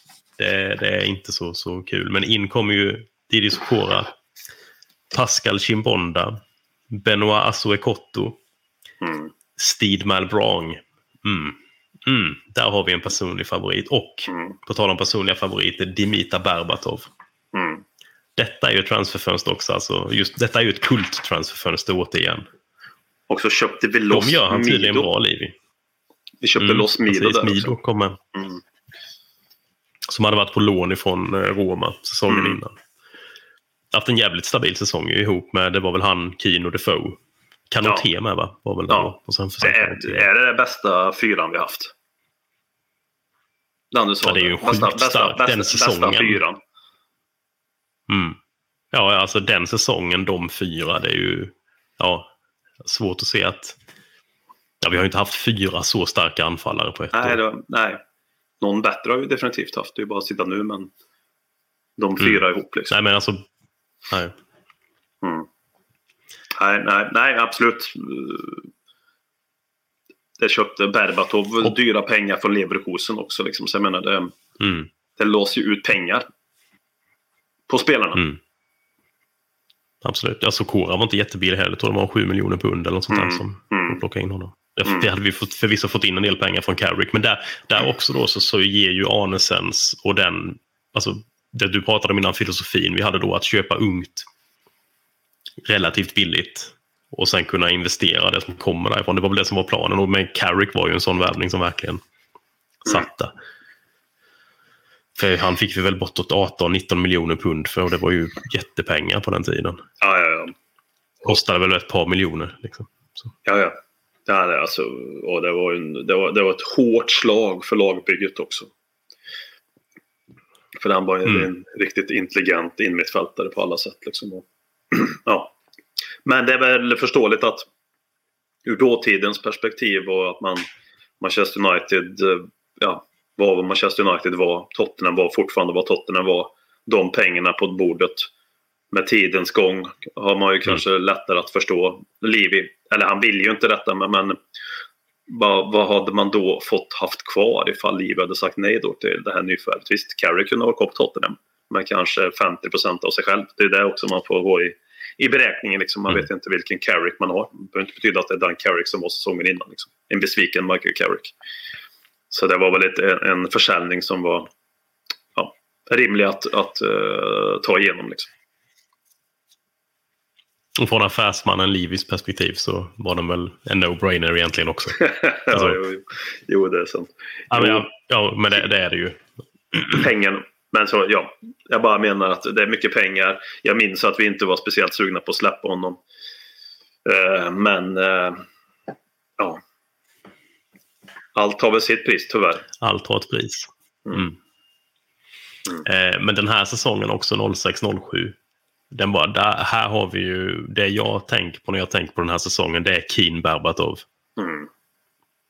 Det Ja, var ju deras eh, säsong på riktigt. Mm. Gisses vad bra de var. Över 50 mål ihop gjorde de. Eh, mm, mm. Och då, med tanke, här hade vi ändå då Defoe som inte hade en dålig säsong på något vis. Nido hamnade väl lite på efterkälken här. Eh, han, ja. Han kom ju, för Berbatov tog ju helt hans roll. Liksom. Vad var det du sa när du pratade om Steed med bra förut? Du lade något ljud till där. Du- Mm. Mm, mm. Lite så känner jag när du sa Mido där. Liksom, då får jag också nästan den där mm, mm, mm. Lite samma känsla. Även om man inte fick Mm. spela mycket. Men ja, förbannat fina var Mido. Förbannat fin alltså. Men ja, nej. En extremt stark fyra där uppe. En extremt stark fyra. Det är ju bara att se balansen. Och där. detta var då säsongen vi... Första gången vi slår Chelsea också sen eh, 1990 i ligan. Mm. Vinner 2-1 hemma mot, mot dem på White Hart Lane. Robbie Keane och... Nej, Lennon och Dawson är det va, som gör målen. Mm. Ja, Lennon där för mig gjorde Och det är Ledley Kings, Ledley Kings eh, eh, brytning mot Robben är väl den matchen också. Det är möjligt, det är möjligt. Ja, den, den har man ju sett många gånger. Ja, ja, ja det precis. Äh, men vi cementerar ju oss som, som eh, ett, ett topplag i alla fall, även om fjärdeplatsen inte alls var nära att, att nås den här säsongen. Så var det ju en femteplats vi, eh, kan man säga, vann. Men det var en femteplats vi Mm. tog framför att förlora en fjärdeplats i alla fall. Då, så, så. Ehm, Mm. så vi cementerar oss där uppe liksom, med det här giftiga anfallsparet som ja, går till historien nästan. Som tvåmannaanfall i alla fall i Mm. Tottenham. Och så här kanske man sitter och tänker att man är man överdriver vad Joll gjorde. Men här har vi första säsongen kommer han nia, två poäng ifrån Europa kuppspel. Mm. Hans första riktiga säsong, femma, väldigt nära Champions League och FA-cupen. Mm. Nästa säsong här slutar femma Uefa-cupen. Det är första gången sedan Keith Birkinshaw som Tottenham slutar på Europaplatser två säsonger i rad. Mm. Och det är det Joll som gör. Jag kan tycka ibland att han är lite bortglömd i vad han gjorde. Han, alltså, ja, eh, Joll är sjukt viktig i det som blev nya Tottenham. Tycker jag. Det är lite där det börjar på något vis på riktigt. Absolut. det som Santini kanske skulle ha gjort, eller var målet med honom, är det som Joll till slut lyckas göra. Jag menar, att bli nia Och det där. gör det ju ännu... Mm. Ja. Nej, alltså det är ju en... Alltså, han styr ju upp det. Det blir ju bättre med Joll Ja, ja, ja. direkt. Ja. Och det är en, en, en, en, period av, av lång av lång liksom, eh, framåtlutning för Tottenham och komma på de här positionerna. Eh, det finns en, en, en, en, fin, en fin ryggsäck som vi sa tidigare med Frank Arnesson. Den, den, den, det nyförvärvet gjorde där och då, Mm. sett till de spelarna som kom in. Som också är en del av det här naturligtvis.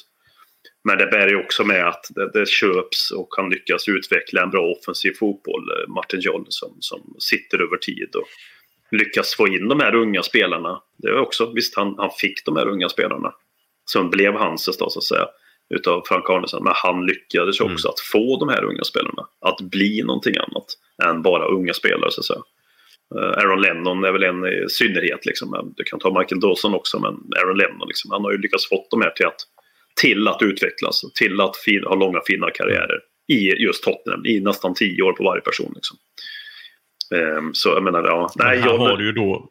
Här, här har man ju då möjligen ett bevis med på att kanske låta sportchefen fatta beslutet om managern. Om det var så att det var Arnesson som ville ha Joll. Mm. Då kanske du ska sätta en sportchef och ge honom det förtroendet. Mm. Uppenbarligen så funkade det bra. För mycket av det som Joll använde kom ju från Arnesen. exakt, Även om Arnesen inte var kvar så var grunden lagd där exakt. på det så får vi ta upp då den nya sportchefen som kommer in. Eh, Damien Komoli. Mm. Som är ett före detta Arsenal-scout faktiskt. Men han kom Mm. från Saint Etienne. Mm. In och tar över då i 2005 efter Arnesen.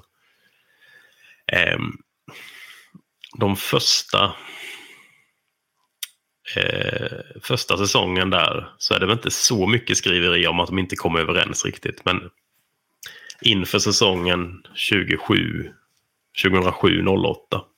Där började det ju då sippra ut lite. Det minns jag också om. Eh, jag minns bland annat eh, Martin Petrov-ryktet. Vänsterspringaren som Ja, slutade, slutade i Manchester City. Det minns jag var en sån det skrevs mycket om att det var en Martin Joll ville ha in honom. Mm. Men den här säsongen då inför den så plockar vi in eh, vi plockar in Darren Bent för rekordpengar. Mm. 16,5 miljon pund när vi har Jermaine Defoe, Dimitar Berbatov och Robbie Keane på topp. Mm. Vi, och det minns jag den här punkten, något alla pratade om var att vi behövde en vänsterkant. Vi behövde en vänsterytter. Den kommer väl kanske då också in i Gareth Bale som värvas här Mm. från SA-15. Vi värvar ehm, Kevin Prince Boateng. ja, Kevin Rock Prince alltså. Ja, det får Den man kalla det. Danny Rose kom ju också då, även om han inte var... Ja, just det. Ja, det var fan redan då, ja. Mm. Så det är ett nyfärg som man ändå ska ha då, som, som över tid också växlades ut och blev mycket bra i Mm, Tottenham mm. under många år. då. Men, men Danny Rose i alla Och fall. Jonas Kabul. Det var ju de som Mm. var de fyra den sommaren. Kabul, Mm. Bent, eh, Boateng och... Eh, vad säger vi?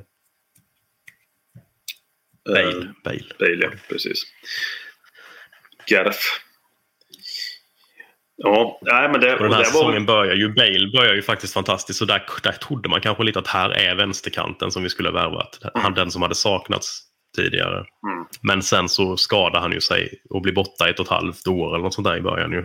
Han, Mm. han flyger ju i början där. Det är ju några matcher. Han, eh, jag minns full han borta. Jag tror det är 3-3 eller något sånt där. Han gör mål och allt vad det är. Någon av hans första matcher. Han gör mål hemma mot Arsenal. Exakt ja, det minns jag. På frispark, På frispark. mig. Ja. Mm. Mm. Mm. ja, det var ju väldigt tydligt statement av en 17-18-årig Gareth Bale så snabbt och Mm. växla ut liksom. Ja, Ja, fy fan vad spänd jag var på honom också. Det var ju en riktig sån. Där satt man och letade videos och eh, man Mm. satt och kollade på frisparksmål från SA-15 när Bale eh, hade stängt in dem. ja, ja visst. Man kom ju som Ja. vänsterback egentligen men spelade vänsterytter under Joll. Med Mm. eh, eh, Lee bakom ju. Mm. Ja men precis. Ja, men det var ju verkligen ett nyförvärv som man, man, man taggade till för och kände entusiasm inför. Liksom. Så jag menar, det... Hade väl presterat ett helt år i så 15 så ung också. Och kommer in och bara växlar upp och är pang bom suverän direkt. Liksom. Och då, Mm. ja, visar sig ju få rätt då i, den här spåkulan, Tottenham-spåkulan då, i alla fall. Att det, det blev mycket, mycket bra utav Bale. Men, men eh, det såg ut att kunna bli bra redan då och framöver. Liksom. Inte det här Mm. avbrottet som han tyvärr fick. Då var det Gareth Bale nummer, Gareth Bale nummer eh, 16 också. Var det 16 Hade han ju då i början. Mm. Mm. Originalnumret. Och, Ja. Exakt. Men den här säsongen, den Oss, 07 vi, oss, oss Gareth Bale-hipsters, vi kör ju det. Ja, ja, ja, ja, så är det. Så är det, så är det. Inte det här ny, vad har han nu ens? Vad har, vad har han? Nio eller? Eller vad har han? Vad vill han ha? Nio. Ja. Ja, vad är det ens för nummer? Alltså liksom? 11 måste väl vara hans nummer egentligen. 11 måste Ja. vara hans nummer, ja, det är väl. tänker jag. Det var Ja. det han körde i Real också. Ja, ja. Vad är det för? Ja. 16 säger vi i alla fall, eller? Ta, ta 16 och var glad. nu. Ja, Ja, ja. precis. Det här bägen med, med man, man sprang fram som junior och skulle plocka sig ett nummer. Tänk om det var samma sak på fotbollsspelare nu. Man, man lägger här mitt på ryggen så går, ja, springer fram och får nummer 10. Bale får nummer 14 en dag eller nummer 7 en annan dag. Det har varit bättre. Ja, nej, men i alla fall 07-08 ja. Eh, gick ju ganska tidigt. Inte alls som man ville att det skulle gå. Eh, en dålig start och fick ju ett väldigt speciellt slut. Med Martin Joll och Tottenham. Extremt. Eller vad säger du om det slutet? Det var... Vad har du att säga om det? Eh, jo, absolut. Eh, där, där ryktades det ju ganska länge om att, eh, att eh, klubben hade erbjudit eh, Juan Ramos att ta över klubben. Och Juan Ramos då som Tottenham ju mötte, jag minns den matchen jätteväl, säsongen innan i, i Uefa-cupen i, jag tror det var kvartsfinalen. Då slog de ut eh, Tottenham och, och sen vann ju Sevilla. Det var väl andra året på rak som, rad som de vann Uefa-cupen. Ehm, och ehm, det kom ut då, Tottenham förnekade att det hade hänt. Men ehm, i en Uefa-cupmatch hemma, hemma mot eh, Getafe var det väl.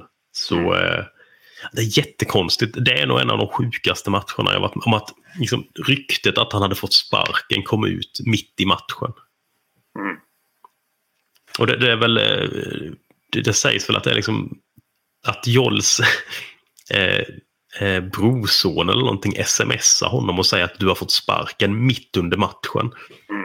För jag minns när kameran går på Joll och han står i princip med tårar i ögonen med sin keps på och bara, liksom bara tittar ut. Eh, eller han, han står inte och gråter men man ser på honom att han är påverkad och, och eh, hela arenan börjar sjunga liksom Jolls namn. Mm. Sjukt konstig Ja, den upplevelse. är, den är, eh, den är speciell. Den är väldigt, väldigt speciell. Därför värt att nämna lite mer. Liksom. Det, mm. Mm. Det är oerhört ovärdigt också. Ja, det kan man ju definitivt säga. Det är väl inte en av Livis eh, finaste ögonblick som, som ansvarig för Tottenham. Hur det här besluten tas och hur det görs. Och, på, ja, Nej. och sparka ut den. Det, det, ja, allt annat än godkänt hur den situationen hanterades. Liksom. Men, här, men här kommer det också då i, i, tillsammans med att det ryktades om att Jollo och eh, Komoli, eh, Komoli inte Mm. drog jämnt riktigt. Ville ha, Joll ville ha vissa spelare, Komoli köpte Mm. andra spelare.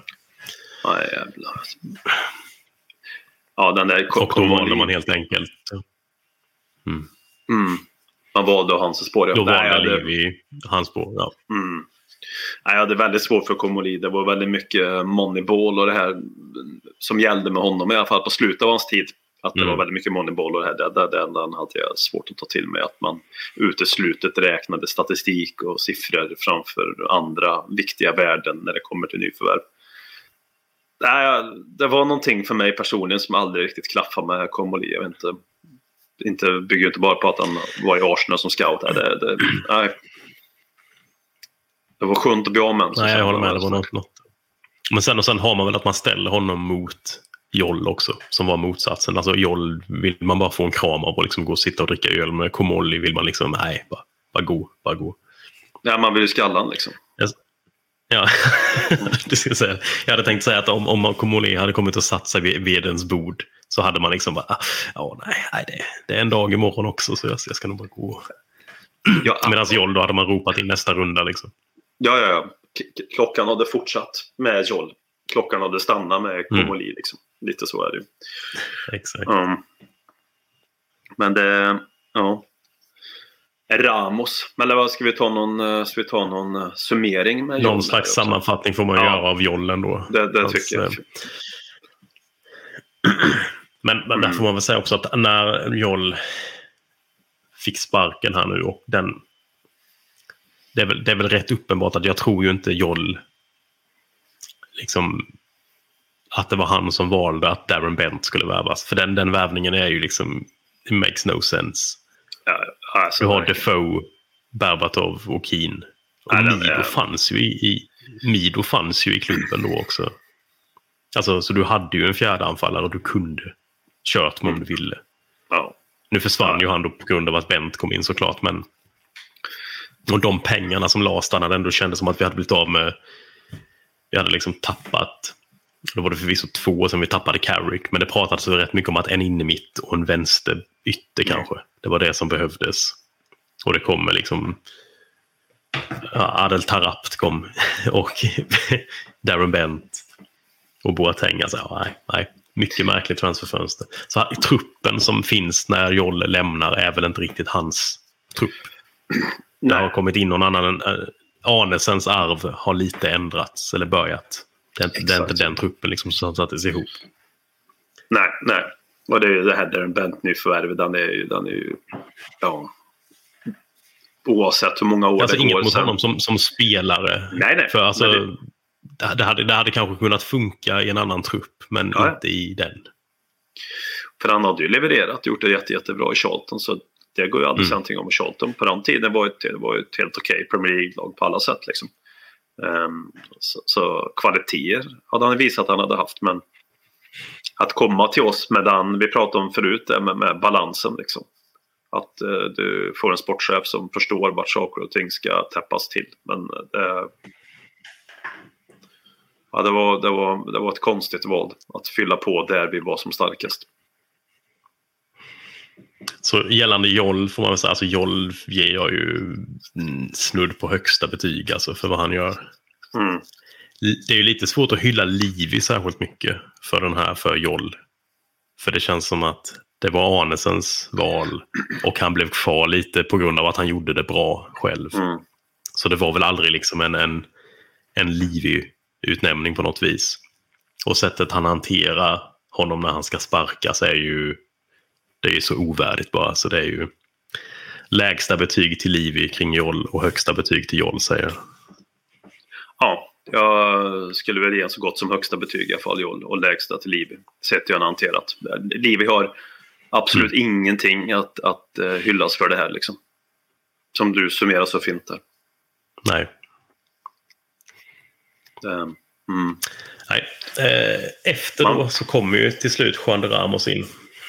Mm. Och det är tydligt här igen att, att, att vi lockas, eller att Livi lockas av glamouren och den tillfälligaste, hetaste potatisen ute på marknaden någonstans. Eller en av dem i alla fall. Att vi ska liksom visa muskler, sända budskap, få till oss ett, ett namn som bara drar in spelare till klubben, som drar in kanske kommersiella tillgångar till klubben och sätter Tottenham på en, på en högre plats på hierarkin än vi kanske egentligen var. Ramos skulle väl sända sådana signaler. Jag säger inte att det är fel att hitta, hitta de tränarna och han hade ju definitivt gjort, gjort ett bra jobb men man kan ju se det här igen med, med Livi och den delen också. Att han liksom lockas och flörtas lite grann med, med uh, nutidens hets på något sätt. Mm. Ja, och... ehm, jag, jag får lite känslan ibland av att Livi ger sig på... eh, Han, det är lite som att han handlar aktier. Så köper han aktierna som lite oväntat har rusat ett par hundra procent när de är på toppen. Och sen kraschar de efter han har köpt dem. Mm. Om du tar Santini. Santini hade väl ett jobb typ efter Tottenham. Mm. Eh, Auk, vad heter de? Auxerre? Hur fan, hur fan Mm. uttalar man det? Är det, ja, precis. Eh, sen har han inte jobbat längre. Juan Ramos. Vi kommer ju, se, nu, nu hoppar vi lite för långt här på en gång kanske. Men ja, Ramos köpt- gick ju inte skitbra heller. Han var väl i Ukraina i Han alla köpte fall, liksom den aktien.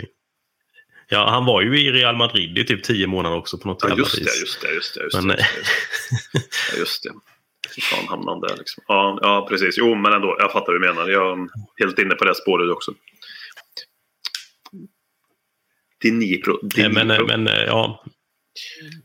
Mm. Mm. Är ju kvar och eh, Ramos kommer in.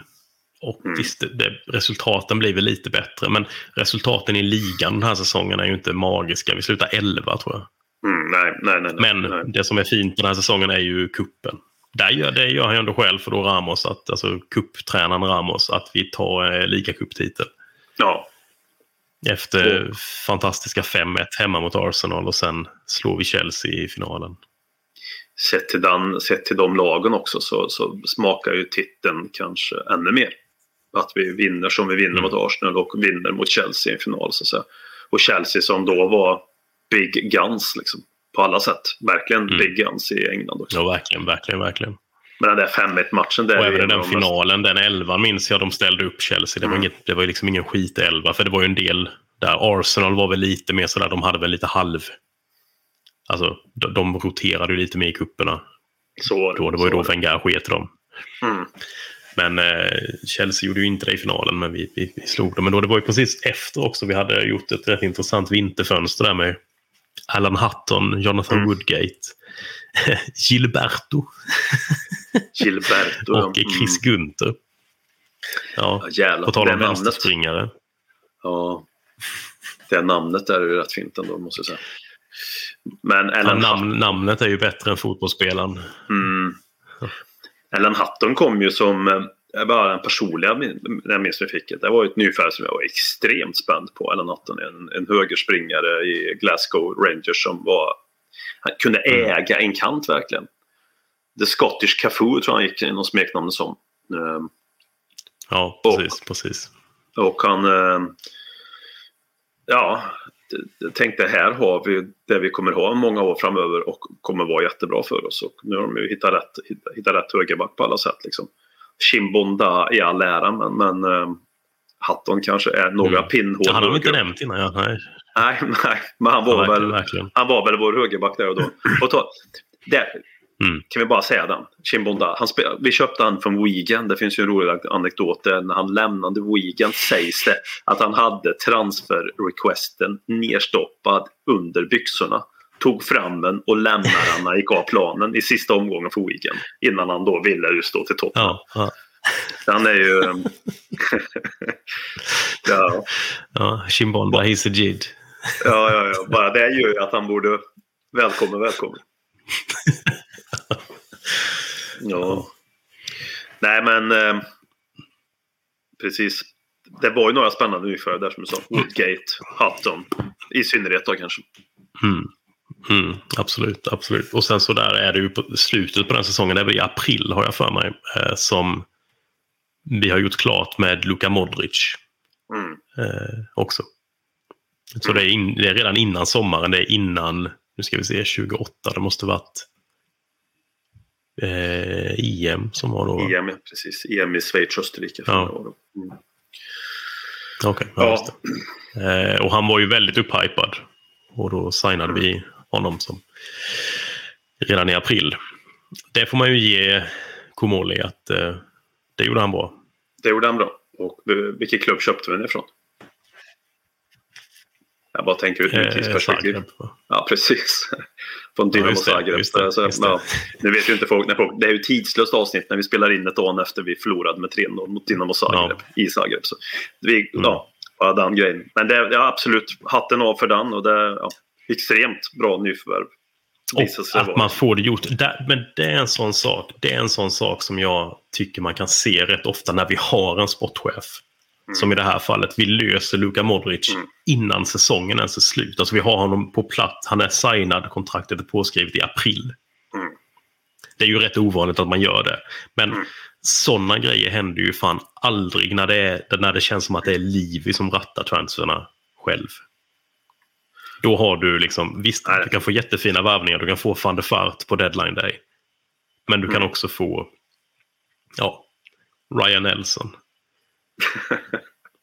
Så Ja. det, där har du ju en av de stora fördelarna med, med, med det. Och det, det, den sommaren där är ju intressant också. Där, där ryker ju Robbie Keane och Dimitar Berbatov. Mm. Jag tänker vi lämnar, alltså den, den första säsongen där med Ramos är ju ligacupen som är intressant. Ligan var ju så tråkig. Vi spelade typ 1-1 varenda jävla match på våren. Mm. Ja, ja. Eh, och ja. Han, köpte, han köpte sig ju tid med ligacupen och framförallt Ja, hur ja. vi vann mot Arsenal. Ja. Och man fick se glimtar av det här Mm. fantastiska spelet som vi trodde vi skulle bli bortskämda med. Liksom. Mm. Så han, ja. För en, där kändes det lite som att vi hade köpt att okej, eh, nu kan vi ta kuppen här så vi satsar på den. Mm. Och ligan blev lidande och när vi hade vunnit den då var liksom Europacup, Europacuplatsen var fixad. Vi kunde inte komma till Champions League, det var kört liksom. Ja, Mm. Nu spelar vi av den här säsongen och satsar.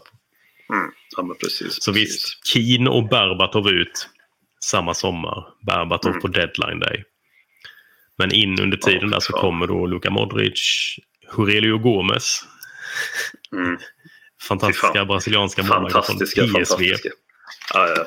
Som hade slagit ut oss i, eh, ja det var ju säsongen innan där, i eh, Uefa-cupen. Det var Gomes I- som i princip slog ut oss på straffar. I kvartsfinalen då igen. Jag tänkte med Ramos som du sa Ja. där, att det var Så, den. Mm, mm. Jag ser ett mönster där. Ja.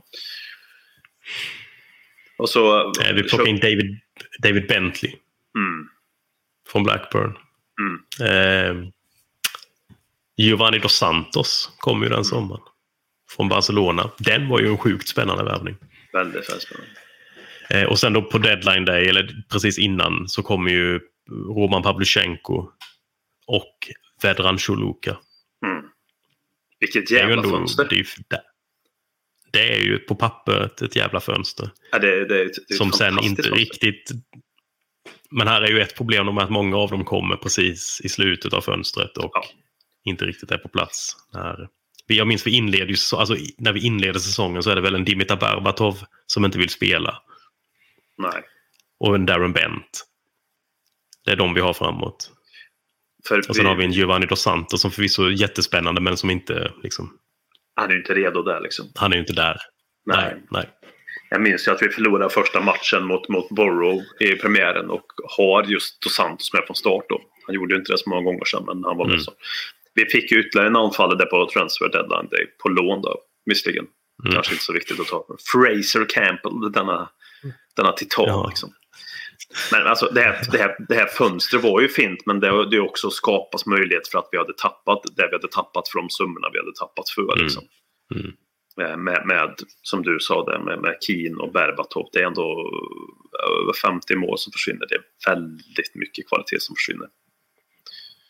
Så visst, jag var väldigt snabb. Sen Ja. vilket fantastiskt fönster. Jag ville revidera lite det.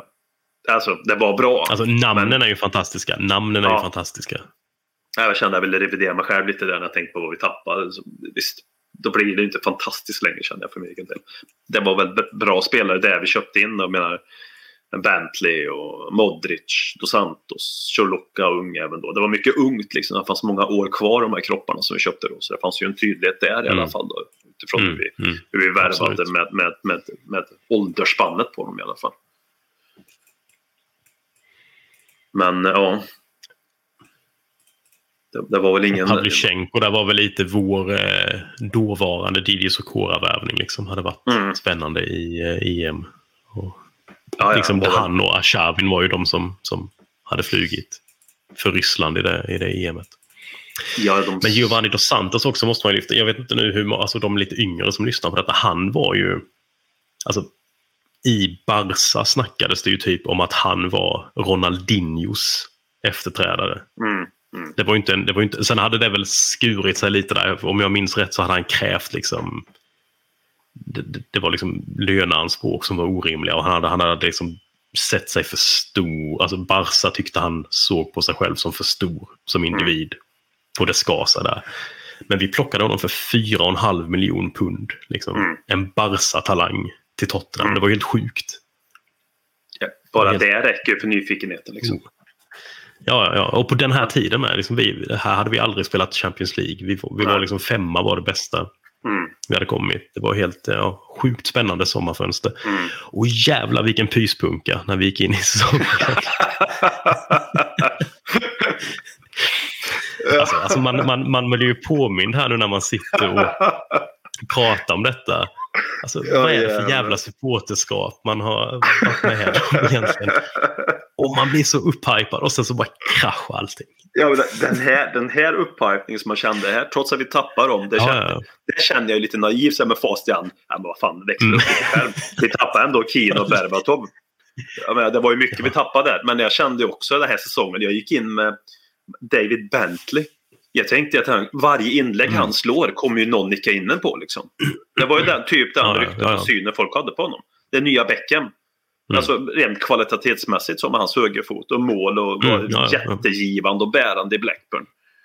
Pavlyuchenko, det tänkte jag att det är. Mm. Som han såg ut i EMet på det som vi sa förut att någon såg bra ut i ett mästerskap.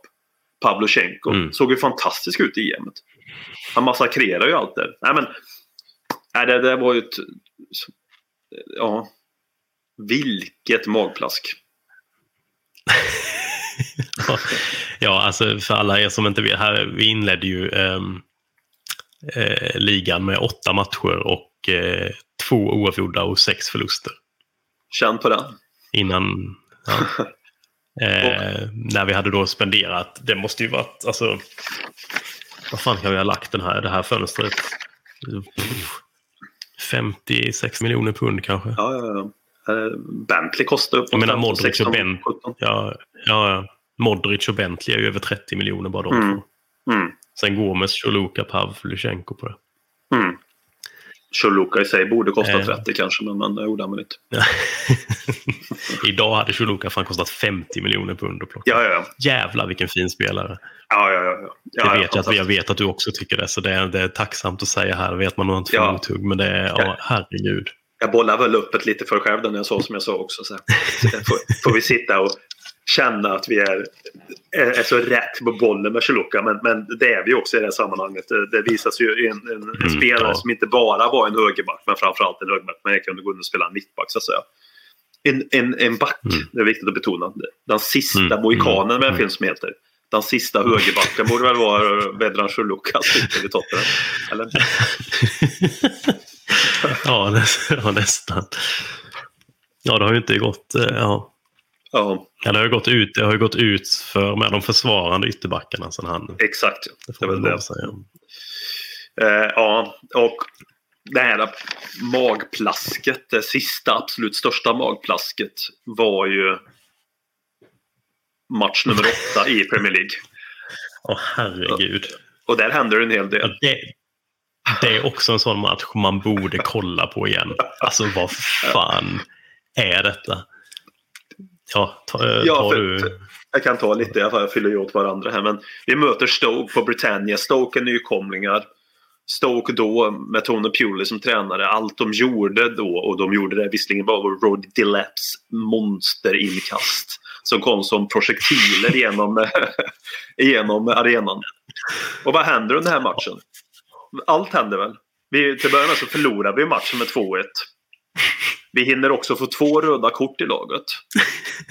Vilka är det som får de här röda korten? Gareth Bale får ett rött kort när han river ner på ytter, när han spelar vänsterback. Danny Higginbottom gör mål på straff. Eh, Michael Dawson blir också utvisad i slutet på matchen. Vedran Choluka. Vad händer med Vedran Choluka? Vill du fylla i den bollen där? Han blir väl... Ja, ja Vedran Chluka blir ju halvt ihjälslagen av Aurelio Gomes när han ska ut. Gomes ska väl ut och eh, liksom eh, sopa bort ett inlägg. Missar såklart bollen och allt annat. Det blir ju inte mål. Men han träffar jävla Chluka så han ligger ju typ helt livlös på planen. Ja, ja, ja. ja, ja, ja. Och, och efter detta då så, så börjar Gomes gråta också. Och det, det här finns väl även till och med på bild, en, en, tårad Gomes. Ja, men jag tror inte heller att, jag tror inte det är på grund av att han typ har dödat Choluka. utan det är, det är senare i matchen. Ja, när ja, Stoke, ja. Delap har bara stått och kivat in, in alltså inkast mot honom. Och Gomes orkar inte längre. Han liksom, vad är detta? Jag är brasse. Fan, jag spelade i PSV. Där var det liksom lite vanlig fotboll de spelade. Vad är det jag har kommit till? Jag är i Stoke. Där står det någon jävla, någon jävla irländare eller något som inte ens kan, kan passa bollen. Och slänger bollar på mig. Han bara bryter ihop och börjar gråta. Det är, det är, det är en helt bisarr match.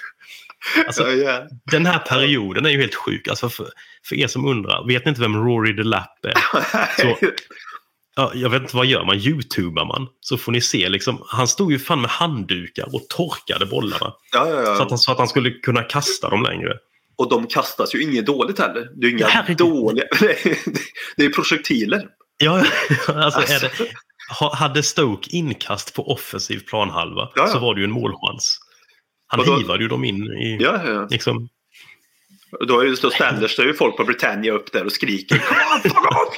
Yeah!" Det här brittiska liksom. Och med Tony Ja. Pewley som tränare och alla i laget var över 1,90 nästan. Alltså inget skämt Ja. heller. Det var ju liksom, nej, nej, nej. du var över 1,80 i alla fall. Oavsett, Ja, ja, du var absolut, du kortast absolut. i laget. Det var en Ja. brutal match. Ja, vi blev ju Mm. Massakrerade. ja, jävlar. ja, stackars Gomes alltså. Ja, ja, verkligen. Ja, verkligen. Eh, verkligen. Men ja, så efter den så var det ju slut för, eh, för Ja. Juan de Ramos. Han kanske ville gå också mig. Vad fan är det? Han undrar väl också vart han varit kanske. Vad var det som Ja. började hända liksom. Jag går inte att försvara. Jag, vet inte, jag har aldrig sett den här typen av fotboll förut. Det måste vi ju nämna, det har vi ju glömt nämna också i, med Ramos. Ett förlåtande drag där är ju att Gus Poirier är med som assisterande. Ja, ja, ja, ja. Alltså alldeles riktigt. Som någon form av eh, tolk också till viss del kan man Ja, säga. lite så. Alltså? För Ramos engelska var ju inte bra alltså. Katastrof. Mm.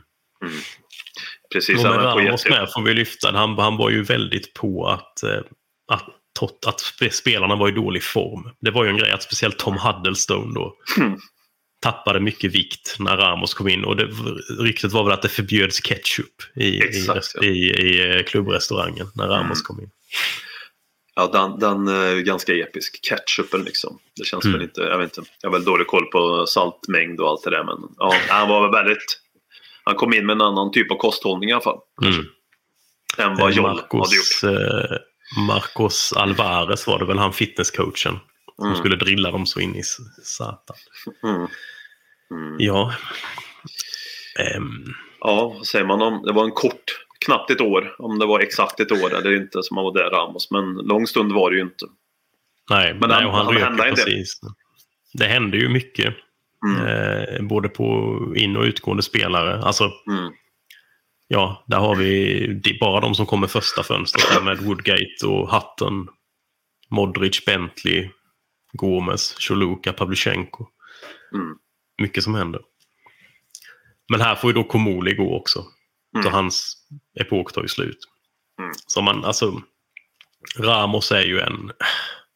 Vad fan ska man säga liksom? Det, titeln är ju kanon, men resten är ju... Skräp.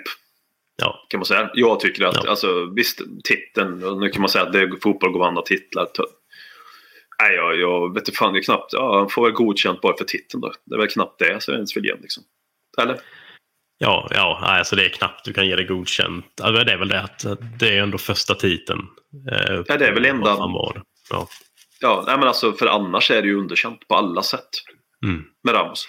Sett till spelare han fått in under hela tiden. Så han har ju fått spelare. Visst, vi har Mm. tappat Kim Berbatov. Men han fick mycket spelare. Det investerades där. Eh, och, ja. och det är ju ett underbetyg också kan jag tycka till, eh, till eh, Livi med det här, med det här Mm. appointment. Mm. Alltså med facit i hand och det är ju så vi Jag har ju också här. svårt att se att det Ramos gjorde under det här året var något som Joll inte hade kunnat göra med Nej, nej. samma spelare.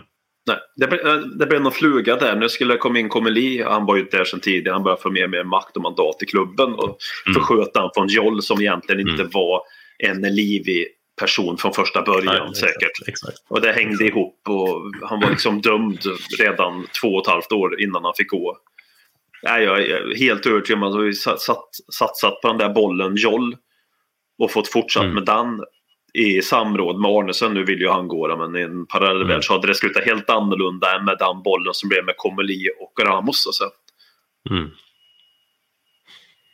Jag menar, Joll var i eh, semifinal i ligacupen året innan. Mm. Också. Alltså det var inte så att han var mil därifrån. Nej. Nej, men precis. Och jag menar hans, hans att han börjar tappa, att han börjar få mindre mandat hänger ju också ihop med den sportsliga liksom, utvecklingen Mm. under den hösten han fick gå. Så. Nej, jag, Ramos, jag, jag minns inte, han, jag, det är mest som en lusteskomik jag ser med honom att han gick in och tog en titel med oss. Liksom. Det Ja. känns surrealistiskt. Ja, det är ju sjukt och- också att, att, det, att det är han och George Graham som har de, eh, de två senaste titlarna i klubben. Det är ju deprimerande så in i helvete. Ja, det säger ju någonting om ligacupens, uh, Ja. Det säger ju också någonting om hur, vad, vad, han- vad han hur vill göra med oss. de Liksom. titlarna är för vad det gör med någons legacy också. Alltså speciellt managers. De två är ju inga som någon tänker tillbaka på. Åh fan, kommer du ihåg när vi hade Ramos och allt, allt flög liksom. Det är ju ingen som tänker så. Samma med Graham. Eh, Nej, nej. Nej, men, nej, precis. Det är ju inte så. Nej, exakt. Det är inte bara Men det, men det, men det Ramos ska ha, men det Ramos ska ha ändå, då, det blir ju att det är ju under hans tid som Ledley King får lyfta en pokal i alla fall. Det får man ju. Ja, det, Ja, det, det är ju. det finns väl alltid något liksom, att lyfta. Ja. Men ehm, ändå överlag tycker jag att det här inte tillhör någon form av hyllningstid i Tottenhams historia. Liksom. Om man ser på en helhet. Jag tycker Nej. kanske Nej. folk kommer tycka det är skitkonstigt. Men, men ehm, Nej, jag skulle säga att, att ehm, eh, det är liksom underkänt för Livi också, både på Ramos och Mm. på Komoli. För jag tycker Mm. att Komoli, det är uppenbart att han kan hitta talanger, det är det. Men det känns också inte som att, är han verkligen sportchefsmaterial? Det kanske, han kanske är bättre på att, som du pratar om, sitta och titta statistik och hitta. Folk där. Men sportchefen ska ändå funka med, han måste ha lite social förmåga också. Han måste kunna funka med en tränare.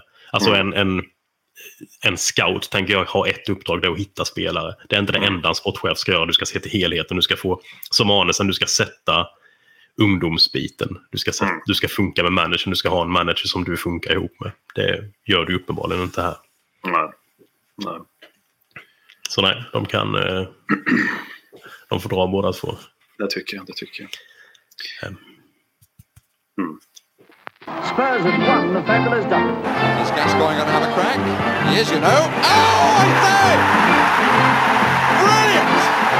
Gibbons!